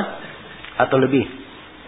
Nah, demikian pula uh, datang di dalam uh, beberapa riwayat yang menunjukkan bahwa dia harus dari apa dari hir dari tempat penyimpanan dan ini dalam hadis yang apa namanya juga di dihasankan oleh para ulama atau dikuatkan oleh para ulama. Nah, dan syarat yang lainnya syarat yang lainnya adalah yang dimaklumi. Kemudian berikutnya kata Syaukani rahimahullah ya. Jadi dipotong tangan kanannya ya, sebab itu yang warid dalam pemotongan tangan Nabi wasallam memerintah untuk memotong tangan kanan. Iya. Baik. Dan datang dalam bacaan Ibnu Mas'ud, faqata'u aymanahuma. Yaitu bacaan Ibnu Mas'ud. Maka potonglah tangan-tangan kanan mereka berdua. Ya. Baik. Kemudian dikatakan oleh Syaukani, wa yakfil iqraru marratan wahida au syahadatu adalaini. Nah, ini cara menetapkan dia mencuri. Jadi cara menetapkan dia mencuri dengan dua hal. Yang pertama, dia yang mengakui dirinya mencuri. Dan ini telah berlalu ya di dalam penyebutan apa? Pembahasan ikrar. Kapan ikrar itu diterima? Ya kalau dia mengakui dirinya mencuri, maka dijatuhkan hukum apa? Mencuri ini yang pertama. Kemudian yang kedua, syahada adalah ini persaksian dari apa? Dari dua orang. Persaksian dari dua orang bahwa dia telah mencuri. Nah, kemudian kata beliau, wayun dabu talqinul musqat. Ya. Dan apa disunnahkan untuk mentalkin ya disunnahkan untuk mentalkin penjuri ya agar dia agar digugurkan darinya ya hukum itu. Ya jelas ya? Dan ini dari hal yang disebutkan oleh Syukani rahimahullah taala tapi beliau berdalilkan dengan apa e, sebuah hadis dan hadisnya ini ada kelemahan di dalamnya. Ada kelemahan di dalamnya. Dan beliau sebutkan bahwa ada asar dari sahabat yang menunjukkan tentang ini ya Nah, ada asar yang menunjukkan dari sahabat yang menunjukkan tentang hal ini. Yang jelas tentang masalah diberi talqin atau tidaknya, ini kaitannya dengan apa? Dengan mahkamah yang seperti ini. Nanti dilihat, seorang hakim kadang melihat ada orang, ya perlu dia tanyai, dia mencuri, dia tanya, oh barangkali bukan itu yang kamu curi, barangkali ini atau itu. Ya sama dengan orang yang berzina. Ketika dia tahu berzina itu, maka ditakrir, ditanya. Ya. Dia berkata, saya berzina. Maka ditanya, kamu berzina apa? Barangkali kamu hanya apa? Hanya memegangnya saja. Barangkali kamu hanya menciumnya saja. Ya. Maka akhirnya dia terangkan bahwa tidak. Ya, saya apa? Melakukannya. Jelas ya? Maka Nabi kembali mengulangi sampai Nabi menegaskan. Ya. Yang menunjukkan bahwa yang dimaksud dengan zinanya adalah apa telah bertemu dua khitan. Itu yang dimaksud. Jelas ya? Baik. Kemudian kata Syaukani rahimahullah, mawdi'ul qata wa tu'allaqul yad fi 'unuqis sariq ya. Dan di apa tempat diputusnya itu tempat diputusnya atau dipotongnya tangan itu hendaknya yuhsam. Ya maksudnya ditahan. Jangan sampai darahnya apa? Jangan sampai darahnya keluar dan di digantung di tangan itu di leher orang yang mencuri. Digantung tangannya di lehernya. Nah Ya dan ketentuan tentang hal ini ini diterangkan dalam hadis yang lemah. Terangkan dalam hadis yang lemah. Namun ketentuan ini dipakai ya ketentuan ini dipakai sebab maksud dari menjatuhkan hukum kepada si pencuri agar supaya tangannya apa? Tangannya hilang saja tidak untuk membunuhnya. Tidak untuk apa? Membunuhnya. Maka karena itulah ya kalau misalnya darahnya mengeluar ya ketika dipotong tangannya kemudian darahnya keluar lebih daripada sewajarnya maka ini bisa apa? Membuatnya mati dan ini tidak diinginkan di dalam menjatuhkan hukum kepadanya. Jelas ya? Karena itu kalau ditahan darahnya dan diobati untuk darahnya berhenti, maka itu tidak ada masalah. Baik. Kemudian kata beliau rahimahullah Ya, dan dia ketika digantungkan di leher, tentunya ini dimaklumi ya. Ya, sebab uh, tangan ketika dia berada di posisi tinggi tidak mengalir keluar darahnya. Dia akan apa? Dia akan tertahan. Ya.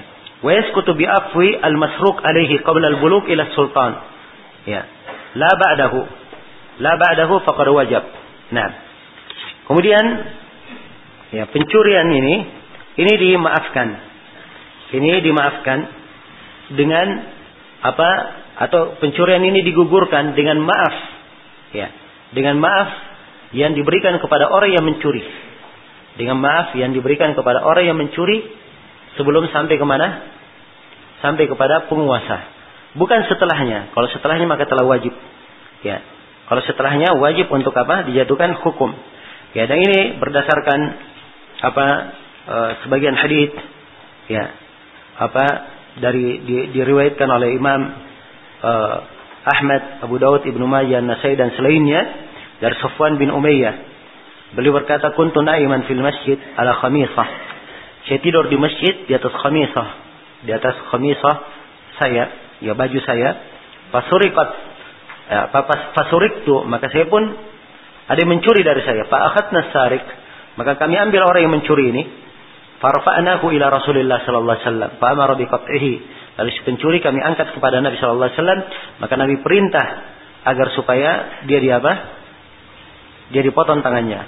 Fakultu maka saya berkata, "Fafi api khamisah taman salatina dirhaman?" Apakah dia dipotong tangannya karena khamisah yang harganya hanya 30 dirham?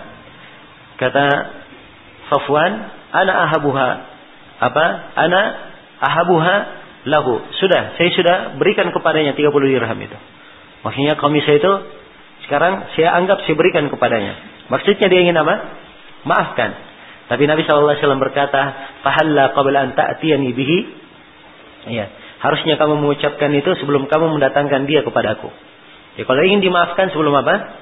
Didatangkan. Kalau hukum sudah sampai ke hakim, maka harus apa? Harus diterapkan sudah. Kalau sudah sampai di hakim. Jelas ya? Baik.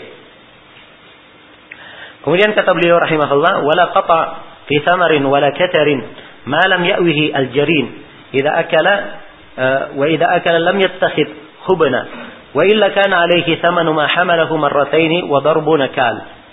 Ya, dan tidak ada memotong, maksudnya tidak ada hukum potong tangan kalau dia mengambil buah atau memanggil mengambil kasar. Ya, mengambil apa? Kasar. Yaitu dia mengambil dari ujung pohon korma, ya buah dari situ. Malam ya'wihi al-jarin. Sepanjang dia belum di e, di dijaga di tempat penjemuran. Ya, sebab kalau dia sudah dijaga di tempat penjemuran, ini artinya dia sudah masuk ke dalam apa? Syirk. Ya, lain lagi hukumnya ya. Maksudnya di sini dia hanya mengambil di mana? Di pohonnya. Kemudian berikutnya dan dia kalau makan, dia hanya makan saja dan tidak membawa apa? Tidak membawa bekal. Ya, ini telah berlalu ya kalimat kubnah. Tidak membawa bekal. Wa kana alaihi wa illa ya kalau dia melanggar hal ini, Ya dia makan misalnya, maka kana alaihi thamanu ma hamalahu marratain. Maka dia harus mengganti apa yang dia bawa dua kali. Sebanyak dua kali. Dan dia harus dipukul dengan pukulan yang keras. Pukulan yang keras. Nah, ini sebagian uh, apa riwayatnya ini sudah berlalu ya. Riwayat tentang hal ini sudah berlalu bersama kita. Ya, pembahasannya. Ya. Tentang apa? Di pembahasan apa ini berlalunya? Yang ada kalimat khu, apa? Kalimat khubnah. Ah. Ayo, di pembahasan apa berlalunya? Hah? Pembahasan lukata? Hah? Bukan di lukata. Terus? Di mana berlalunya? Apa? Itulah pembahasan apa itu yang makan punya orang. Hah? Apa? Baik. Di dalam bab abdi apa? Labas. Jadi sudah diterangkan di dalam ya pembahasan tersebut ya hukum ini apa namanya lam yattakhid khubnah. Dia tidak menjadikan untuknya ada khubnah di dalam hal itu. Ya. Kemudian kata beliau rahimahullahu taala, ya.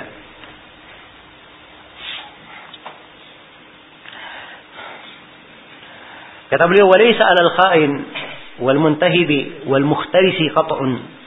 Ya, tidak ada terhadap pengkhianat. Ya, ini khain ya, dia berkhianat. Dia tadinya diberi amanah, kemudian dia bawa lari. Ya, misalnya. Dia bawa lari, dia berkhianat. Nah, ini lain lagi. Ini tidak dipotong tangannya. Ya, tapi dia diberi hukum, hukuman lain. Jelas ya? Wal muntahid. Demikian pula orang yang apa? Orang yang merampas. Ya, wal mukhtalis. Al mukhtalis ini orang yang menyambar, menjamret. Ya. Qat'un tidak ada potongan terhadapnya. Sebab ini seperti yang kita terangkan tadi, dia mengambilnya apa? Ya. Dengan terang-terangan mengambilnya secara paksa. Maka ini lain lagi hukumnya. Nah, lain hukumannya. Akan kita lihat ya hudud yang lainnya. Baik. Kemudian kata beliau kalau tidak ada di uh, hududnya di situ berarti dia masuk ke dalam bab ta'zir menjatuhkan hukumannya. Kemudian kata beliau qad sabata al-qat'u fi jahdil ariyah. Demikian pula telah sabit hukum potong tangan ini bagi orang yang mengingkari ariyah. Ya, misalnya sudah berlalu ya pembahasan ariyah. Ariyah itu Allah pinjaman. Sekarang diberi pinjaman. Dia minjam. Dia ingkari bahwa orang ini apa? Dia ingkari bahwa dia meminjam. Nah, maka di sini dia boleh apa? Dipotong tangannya karena hal tersebut. Sebagaimana hadits Aisyah riwayat Bukhari dan Muslim tentang perempuan apa? Al-Makhzumiyah itu yang meminjam perhiasan. Lalu dia mengingkari bahwa dirinya meminjam perhiasan. Maka Nabi SAW perintah supaya dipotong apa? Tangannya. Nabi perintah supaya dipotong tangannya. Ini kalau dia pasti dia meminjam dan telah syah dia ada meminjam, kemudian setelah itu apa? Eh, dia mengingkarinya, dia mengingkarinya, maka dijatuhkan juga hukum tangan terhadapnya. Kemudian berikutnya kata Syukani rahimahullah taala babu haddil qadaf. Bab tentang had apa? Al-qadaf. Al-qadaf adalah orang yang menuduh. Ya. Orang yang menuduh orang baik-baik dituduh apa? Dituduh berzina. Itu yang disebut dengan nama al-qadaf. Nah. Ya, kalau dari sisi definisi yang disebut oleh al-fuqaha, al-qadaf adalah tuduhan berzina atau tuduhan melakukan homoseks, ya, melakukan hubungan sesama jenis kepada seseorang. Itu yang disebut dengan nama apa? Al-qadaf, kepada seseorang yang apa? lepas dari tuduhan itu. Ya, jadi dia pada dua hal. Kalau dia menuduh seorang berzina, ini sepulan si berzina misalnya, maka ini menuduh namanya. Ya, terus ini sepulan melakukan perbuatan apa? Ya, sesama jenis ini tuduhan namanya. Qadhaf maka kalau dia menuduh dia harus membawa apa? Membawa empat saksi. Inilah pendalilannya di dalam ayat. Sebab al qadhaf ini adalah hal yang dia apa? Yang diharamkan. Hal yang sangat diharamkan. Menuduh orang baik-baik berzina. Ya dia diberikan hukuman di dunia dan diberikan hukuman di mana? Di akhirat. Hukumannya di dunia Allah berfirman walladzina yarmuna al-muhsanati ثم لم يأتوا بأربعة شهداء فجلدوهم ثمانين جلدة ولا تقبلوا لهم شهادة أبدا وأولئك هم الفاسقون orang-orang yang menuduh perempuan-perempuan baik-baik dia tuduh berzina lalu dia tidak mendatangkan empat saksi maka cambuklah mereka 80 apa 80 kali cambuk dan jangan terima persaksian mereka selama-lamanya dan mereka inilah orang-orang yang fasik. Orang-orang yang fasik. Nah, ini hukuman di dunia. Adapun hukuman di akhirat, Allah telah berfirman, "Innal ladzina yarmuna al-muhsanatil ghafilatil mu'minat lu'inu fid dunya wal akhirah wa lahum adzabun 'adzim yawma tashhadu 'alaihim alsinatuhum wa aydihim wa arjuluhum bima kanu ya'malun yawma idin yuwaffihim Allahu dinahum al-haq wa ya'lamuna annahu huwal haqqul mubin." Sungguhnya orang-orang yang menuduh perempuan yang muhsan, yang ghafilat, yang perempuan yang apa tidak kenal dosa, perempuan yang mukminah, dia tuduh berzina, maka mereka dilaknat di dunia dan di akhirat. Dan untuk mereka siksaan yang sangat pedih, apa siksaan yang sangat besar. Hari tatkala lisan, tangan dan kaki-kaki mereka mempersaksikan apa yang mereka lakukan. Pada hari itu Allah Subhanahu wa taala akan apa menyempurnakan ya pembalasan pembalasannya yang maha benar dan mereka pun mengetahui bahwa Allah itu maha al-haq al-mubin ya maha benar dan maha menjelaskan baik Oke ini tentang orang yang menuduh orang-orang yang baik-baik dituduh berzina. Ya dia dijatuhkan padanya hukum dicambuk berapa kali? Dicambuk 80 kali. Nah, dan di dalam uh, menuduh ini, ya, di dalam menuduh tersebut, ya seorang kalau ingin menjatuhkan hukuman tuduhan, maka dia harus membawakan apa? membawakan saksi. Kalau dia, uh, maksud kalau dia ingin menuduh dan tuduhannya diterima, maka dia harus membawa empat saksi. Ya. Dan kalau kita berbicara tentang empat saksi, kita sudah berlalu menyebutkan syarat diterimanya apa? Persaksian empat saksi itu. Maka dikembalikan ke sana ya, di syaratnya.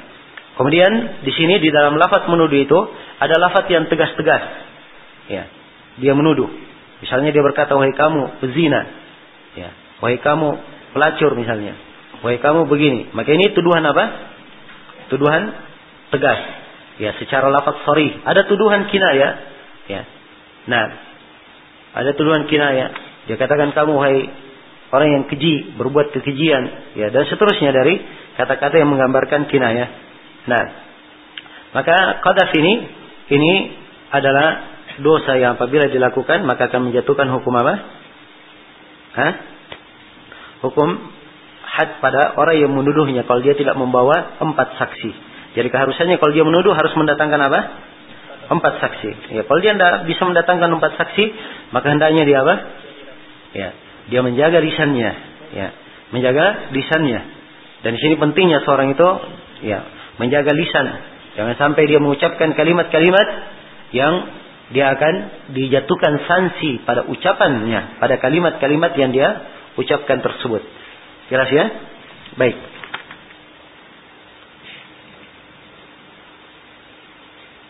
Ya. Dan hukuman qadaf ini boleh digugurkan. Ya. Boleh digugurkan dari orang yang apa? Orang yang menuduh apabila orang yang dituduh dia memaafkan dan menggugurkannya. Ya, itu yang pertama. Kalau dia memaafkan atau atau menggugurkannya. Kemudian yang kedua, dan orang yang dituduh dia mengakui. Kalau orang yang dituduh mengakui, maka ini sudah apa? Ya, sudah menggugurkan ya hukuman tersebut kalau dia mengakuinya. Baik. Jelas ya?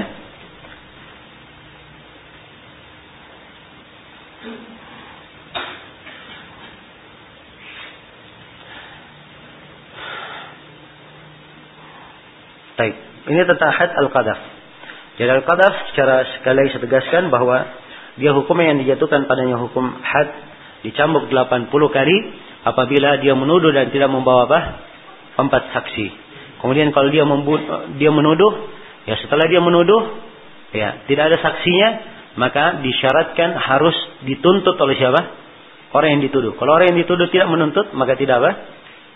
Tidak kena hukum. Ya, kalau tidak dituntut oleh orang yang menuduh. Ya, baik. Kemudian berikutnya kata Asy-Syaukani rahimahullah atau kita baca dulu ucapan Asy-Syaukani. Kata beliau rahimahullah, "Man rama ghairahu bizina wajib alaihi haddul qadaf 80 jaldah." Siapa yang menuduh selainnya dengan berbuat zina maka dia wajib untuk dicambuk dengan had qadaf, hak hak had penuduh ya perzinaan sebanyak 80 kali. Wa yathbutu dalika bi iqrarihi marrah wa bi syahadati adlaini. Dan ini syah ya Nah, syah dia sebagai penuduh kalau dia mengikrar satu kali atau disaksikan oleh apa? Oleh dua orang. Jadi si penuduh ini ya, dia dikenakan hukum kalau dia mengakui. Ya, kamu misalnya didengar dia menuduh. Maka dikatakan kamu mengakui, kamu menuduh. Kamu menuduh kalau dia akui, dituntut, dia mengakui, maka dia dibawa ke pengadilan. Di Setelah dia diminta untuk mendatangkan apa? Mendatangkan empat saksi. Kemudian yang kedua, kalau dia tidak mengakui, maka orang yang menuntutnya harus mendatangkan apa? Dua saksi yang mempersaksikan bahwa orang ini adalah orang yang apa? Orang yang menuduh. Jelas ya? Orang yang menuduh. Sebab persaksian asalnya ke situ. Jelas? Ya kalau misalnya dia menuduh di dia hanya menuduh bahwa si fulan berzina dan seterusnya. Ya, tidak kelihatan. Ya, tidak nampak. Datang orang memperkarakan atau dia misalnya ribut antara dua orang. Ya, ini menuduhnya berzina misalnya. Maka orang yang dituduh ini dia boleh memperkarakannya kalau dia punya dua saksi bahwa orang ini apa? Menuduhnya. Jelas ya? Orang tersebut menuduhnya. Atau orang tersebut telah mengakui bahwa dia apa? Dia menuduh. Nah, kalau sudah diakui dia menuduh, masuk ke proses berikutnya. Si penuduh harus mendatangkan apa? Ya, empat saksi. Kalau dia memang benar dalam apa? Tuduhannya. Kalau tidak, maka dia dicambuk sebanyak berapa? 80 kali. Nah, kata beliau, wa illam yatub lam tuqbal syahadatu. Kalau dia tidak bertobat dari tuduhannya, maka dia tidak diterima apa? Persaksiannya. Ini tentang orang yang menuduh kalau sudah dijatuhkan hukum had padanya, maka tidak diterima persaksiannya sampai dia bertobat. Dan bertobatnya ini ya dilihat ya bertobatnya. Dan kalau memang setelah dia dicambuk 80 kali dia bertobat dan baik tobatnya, tidak pernah lagi ulangi perbuatannya, maka ini sudah nampak bahwa dia adalah apa? Sudah baik. Ya, sudah baik. Dan ini tentunya urusannya di pengadilan sebab masalah persaksian. Ya diterima atau tidak persaksiannya. Kemudian kata beliau fa idza jaa ba'dal qadaf bi arba'ati syuhud sakata anhu al-had wa kada idza aqarra al-makduf bizina. Demikian pula setelah dia menuduh, ya, setelah dia menuduh, lalu dia membawakan empat saksi, maka apa gugurlah apa? Gugurlah had qadaf itu, had, had tuduhan itu. Ya, had qadaf gugur. Demikian pula kalau si yang dituduh itu dia mengakui bahwa dia berzina, maka ini apa? Digugurkan. Jelas ya? Ya, maka ini diperhatikan baik-baik ya ucapan Asy-Syaukani. Ada dua sudut penting di sini yang harus kita pahami. Ya pertama di sini had tentang apa? Hah? Al-qadaf. Menuduh orang apa? Berzina. Ya, tentunya ada yang menuduh dan ada yang apa? Dituduh. Ya. Yang pertama di sini yang menuduh. Ya. Ini kan dia menuduh, berarti dia merugikan siapa? Yang dituduh. Yang dituduh, kalau dia benar memang melakukannya, maka ini ada hukum tersendiri di dalamnya, kan begitu? Baik, sekarang yang menuduh dulu. Ya. Yang menuduh dari mana dia tahu dia menuduh? Hah? Nah ini dengan dua hal. Yang pertama, dia mengakui bahwa dirinya apa? Menuduh. Kemudian yang kedua, dipersaksikan oleh dua orang bahwa dia menuduh. Ya, orang lain apa? Berzina. Maka ini si penuduh. Ya, si penuduh setelah dia menuduh, maka dia diangkat ke mana? Ke pengadilan. Ya, diangkat ke mana? Ke pengadilan. Ya, diangkat ke pengadilan. Di sinilah dia diadili sebagai orang yang apa? Menuduh setelah dia pasti bahwa dia apa? Setelah dipastikan bahwa dia menuduh. Orang yang menuduh, ya, dia harus membawakan apa? Empat saksi untuk menunjukkan bahwa si fulan itu atau si fulana apa? Berbuat perzinahan. Nah, kalau dia tidak membawakan saksi, maka dilihat orang yang dia tuduh ini diakui berzina atau tidak. Jelas, kalau diakui berzina gugur apa? Gugur had. Ya. Kalau tidak diakui, maka si penuduh tidak punya apa? tidak punya saksi dia harus dicambuk berapa kali? 80 kali. Nah, karena itu jangan sembarang ya main tuduh-tuduh orang saja. Ya, ini dalam syariat kita subhanallah hal yang sangat luar biasa dan diperhatikan. Ya, berbeda dengan sekarang ini. Ya, gosip, ya. Itu sudah tersebar. Bahkan subhanallah sekarang ini gosip itu gampang sekali. Orang gosip ya sekarang bisa sampai ke ujung dunia. Ya, ke ujung dunia gosipnya bisa nyampe. Ya, subhanallah. Nah, maka ini hendaknya di masa ini seorang lebih pandai lagi menjaga lisannya. Ya. Dan apa yang lisan itu diibaratkan dengan tulisan, ya. Hendaknya semuanya dijaga dan diperhatikan. Ya, dan ini kita saksikan orang-orang yang tidak punya agama. Ya. Demikian keadaannya. Dan pada sebagian orang yang mempelajari agama juga yang masuk dalam perkara-perkara yang tidak berguna, kadang melakukan hal yang semisal dengan ini. Dan ini merugikan. Ya, kalau di dalam kehormatan manusia bahayanya sangat besar, apalagi kalau dia menyebarkan gosip-gosip berkaitan dengan masalah agama. Ya, membuat perpecahan di tengah kaum muslimin. Ya, membuat perpecahan di tengah apa namanya orang-orang yang mempelajari agama di tengah ahli sunnah. Ya, maka gosip yang seperti ini lebih besar lagi bahayanya. Jelas ya? Dan Nabi Shallallahu Alaihi Wasallam telah mengingatkan, Inna rajula la yatakallamu bi kalimatin la yatabayyanu fiha yazillu biha ila nar aba adama bainal masyriq wal maghrib. Seorang lelaki kadang dia mengucapkan sebuah kalimat, dia belum perjelas kalimat ini. Ya, kalimat ini akan menyeret dia ke dalam api neraka jauhnya sejauh timur dan barat. Ya. Jelasnya? Maka jangan sembarang menuduh orang. Ya. Kemudian berikutnya kata Syukani rahimahullahu taala babu haddis syurb. Ini bab tentang had seorang peminum khamar. Ya, kalau dia minum apa hadnya? Nah, kata Syukani rahimahullahu taala man syariba muskiran siapa yang meminum muskiran sesuatu yang memabukkan mukallafan dalam keadaan dia mukallaf mukhtaran ya sengaja julida ala ma yarahul imam dia dicambuk sesuai dengan apa yang dipandang oleh imam. Ya, maksudnya ini apa namanya kebijaksanaannya kembali kepada si imam. Ya. Dan siapa yang diwakilkan oleh imam dalam hal ini di pengadilan di qada ya. Imma arba'ina jalda apakah dicambuk 40 kali atau aqalla atau kurang atau aksyar atau lebih. Walau bin ni'al dicambuk walaupun menggunakan pakai apa? Menggunakan sendal. Ya.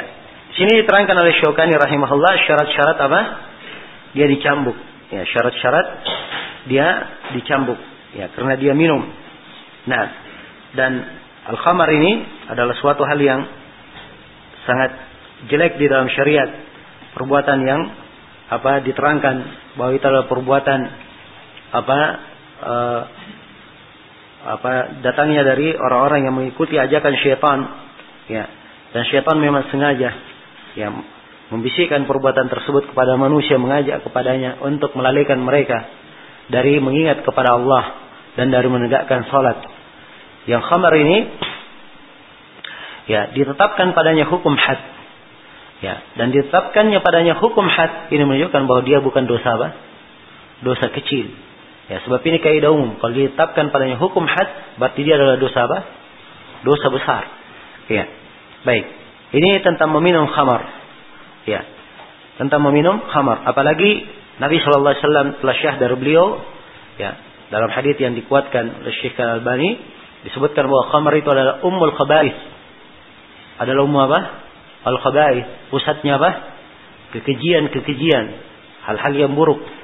Nah, sampai disebutkan dalam sebagian riwayat ada kisah ter pernah terjadi walaupun dalam hadis marfu'nya lemah, tapi secara mauquf kisahnya syah. Ya. Ada orang yang apa namanya dia minum khamar. Dia minum khamar, setelah itu dia berzina, setelah itu dia membunuh. Ya, setelah itu dia berzina, setelah itu dia apa? Dia membunuh. Ya, jadi kisahnya ini disebutkan seorang ya dipanggil oleh seorang perempuan. Dan ada di situ apa? Ya, uh, budaknya. Ya, ada yang mempersaksikannya. Jelas? Maka perempuan ini berkata kepadanya, kau minum khamar atau kamu berzina denganku. Dia kasih dua pilihan. Ya. Dan dia tidak bisa lepas. Ya. Maka dia memilih untuk minum khamar. Dia milih untuk minum apa? Minum khamar. Maka setelah dia minum khamar, akhirnya dia berzina dengan perempuan itu. Ya. Setelah berzina, maka dia membunuh ya budak yang berada di sampingnya. Ya dia melakukan apa? Ya. Tiga kekejian sekaligus, minum khamar, berzina dan apa? Membunuh. Nah, dan ini pernah disebutkan juga oleh Syekh Ibn Utsaimin di dalam sebagian buku beliau, ya, kejadian, ya, ada seorang anak dia minum khamar. Ya. Dia minum khamar. Dia pulang ke rumahnya waliyadzubillah karena hilang kesadarannya, dia berzina, dia menzinahi ibunya. Ya, naudzubillah. Hilang kesadarannya. Begitu dia sadar, Ya. Maka tatkala dia sadar dia merasa bahwa semalam itu kelihatannya dia melakukan sesuatu apa? Yang tidak layak terhadap ibunya. Ya, tapi ibunya menutupi hal itu. Dia paksa terus ibunya untuk mengucapkannya akhirnya ibunya ya mengatakan iya kamu melakukannya. Ia pun merasa sangat menyesal, akhirnya dia bakar dirinya. Dia bakar apa? Dirinya. Ini perhatikan ya, dari umul khabaih. Dari tadinya apa? Asalnya apa? minum, kemudian setelah itu menyeretnya kepada perbuatan perbuatan keji dan lainnya. Maka orang yang minum khamar ini telah telah syah di dalam riwayat Bukhari dan Muslim, dia dicambuk. Dia di apa? Dicambuk. Dan Nabi Shallallahu Alaihi Wasallam mencambuknya dengan jarit wan ni'al. Jarit itu dengan apa? Pelepah korma. Dicambuk dengan apa? Dengan sendal. Dan Abu Bakar mencambuknya 40 kali. Mencambuk 40 kali. Dan di dalam Sahih Muslim, Nabi Shallallahu Alaihi Wasallam mencambutnya 40 kali. Demikian pula dicambuk oleh Abu Bakar berapa kali? 40 kali. Kemudian di masa Umar, ya, radhiyallahu taala anhu, Umar mencambuknya berapa? 80 kali. Ya, sebab beliau mengambil istisyarah dari para sahabat dan dikatakan bahwa hudud itu kebanyakannya uh, hudud yang paling ringannya berapa? 80. Ada yang 100 kali cambuk, ada yang 80. Maka diambil 80. Dan ini jitihad dari Umar, kemudian didukung oleh para sahabat yang lainnya. Ini menunjukkan bahwa itu bukanlah sekedar ijtihad mereka. Bukanlah sekedar apa? Ijtihad mereka. Karena itu Syaukani memberi ukuran 40 sebab ini asalnya dilakukan oleh Nabi. Dan bolehnya dia lebih dari 40 karena ini dilakukan oleh siapa? Dilakukan oleh Umar bin Khattab radhiyallahu taala anhu. Dan dia boleh dikurangi sebab ini menunjukkan bahwa boleh dilebihkan. Ini menunjukkan bahwa batasan 40 itu adalah ijtihadi. Itu adalah pembatasan ijtihadi yang dilihat kepada seorang yang apa? Uh, seorang qadi yang melihat di dalam masalah yang memandang di dalam masalah tersebut. Jadi sekarang disebutkan di sini syarat yang ditegakkan padanya hukum minum khamar dia syariba. Dia minum muskiran sesuatu yang apa? Memabukkan. Mukallafan dalam keadaan dia mukallaf. Ya dalam hal ini. Nah, mukhtaran dia tidak dipaksa. Dia tidak dipaksa. Baik. Hukum dijatuhkan ya dengan ketentuan-ketentuan ini pada si peminum ya itu ditentukan syaratnya adapun hukum khamar itu sendiri hukum orang yang minum khamar itu sendiri itu akan ditegakkan pada seseorang apabila dia mengakui bahwa dia apa? Meminum. Itu yang pertama. Kemudian yang kedua dia disaksikan oleh dua saksi bahwa dia apa? Bahwa dia minum. Disaksikan oleh dua saksi. Maka di sini muncul permasalahan lainnya sama dengan permasalahan zina.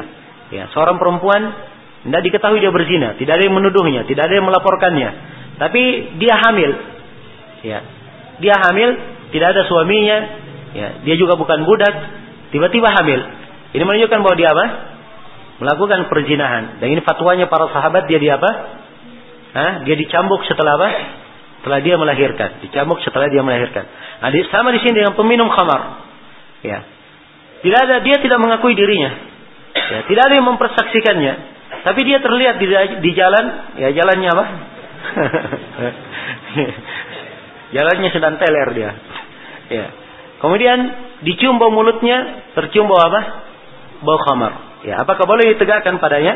Ya, yang benarnya bahwa boleh ditegakkan padanya hukum. Dan Ibnu Qayyim berdalilkan dalam hal ini sebab itu adalah ketentuan yang ditetapkan oleh Umar dan Ibnu Mas'ud. Ya, sekedar dicium bau khamar di mulutnya, dia juga dicambuk dan tidak ada yang menyelisihi dua orang sahabat ini dalam hal ini. Ya, dan ingat ya, apa yang datang dari para sahabat, ya, kalau dia tidak bertentangan dengan nas, ini kaidah umum ya, mengukur apa yang datang dari para sahabat. Ya, apa yang datang dari para sahabat, kalau dia tidak bertentangan dengan nas, ya, dan apa yang dilakukan oleh para sahabat ini bukan semata ijtihad mereka. Ya. Kemudian tidak diketahui ada yang menyelisih sahabat tersebut di dalam hukum itu, maka di sini apa yang datang dari sahabat itu adalah hujjah yang dipakai apa? Berhujjah. Ini terpenuhi ketentuan dan syarat di sini. Nah, jelas ya? Baik, ini tentang had orang yang meminum apa? Meminum khamar. Nah, baik selesai ya. Kita cukupkan dalam di sini.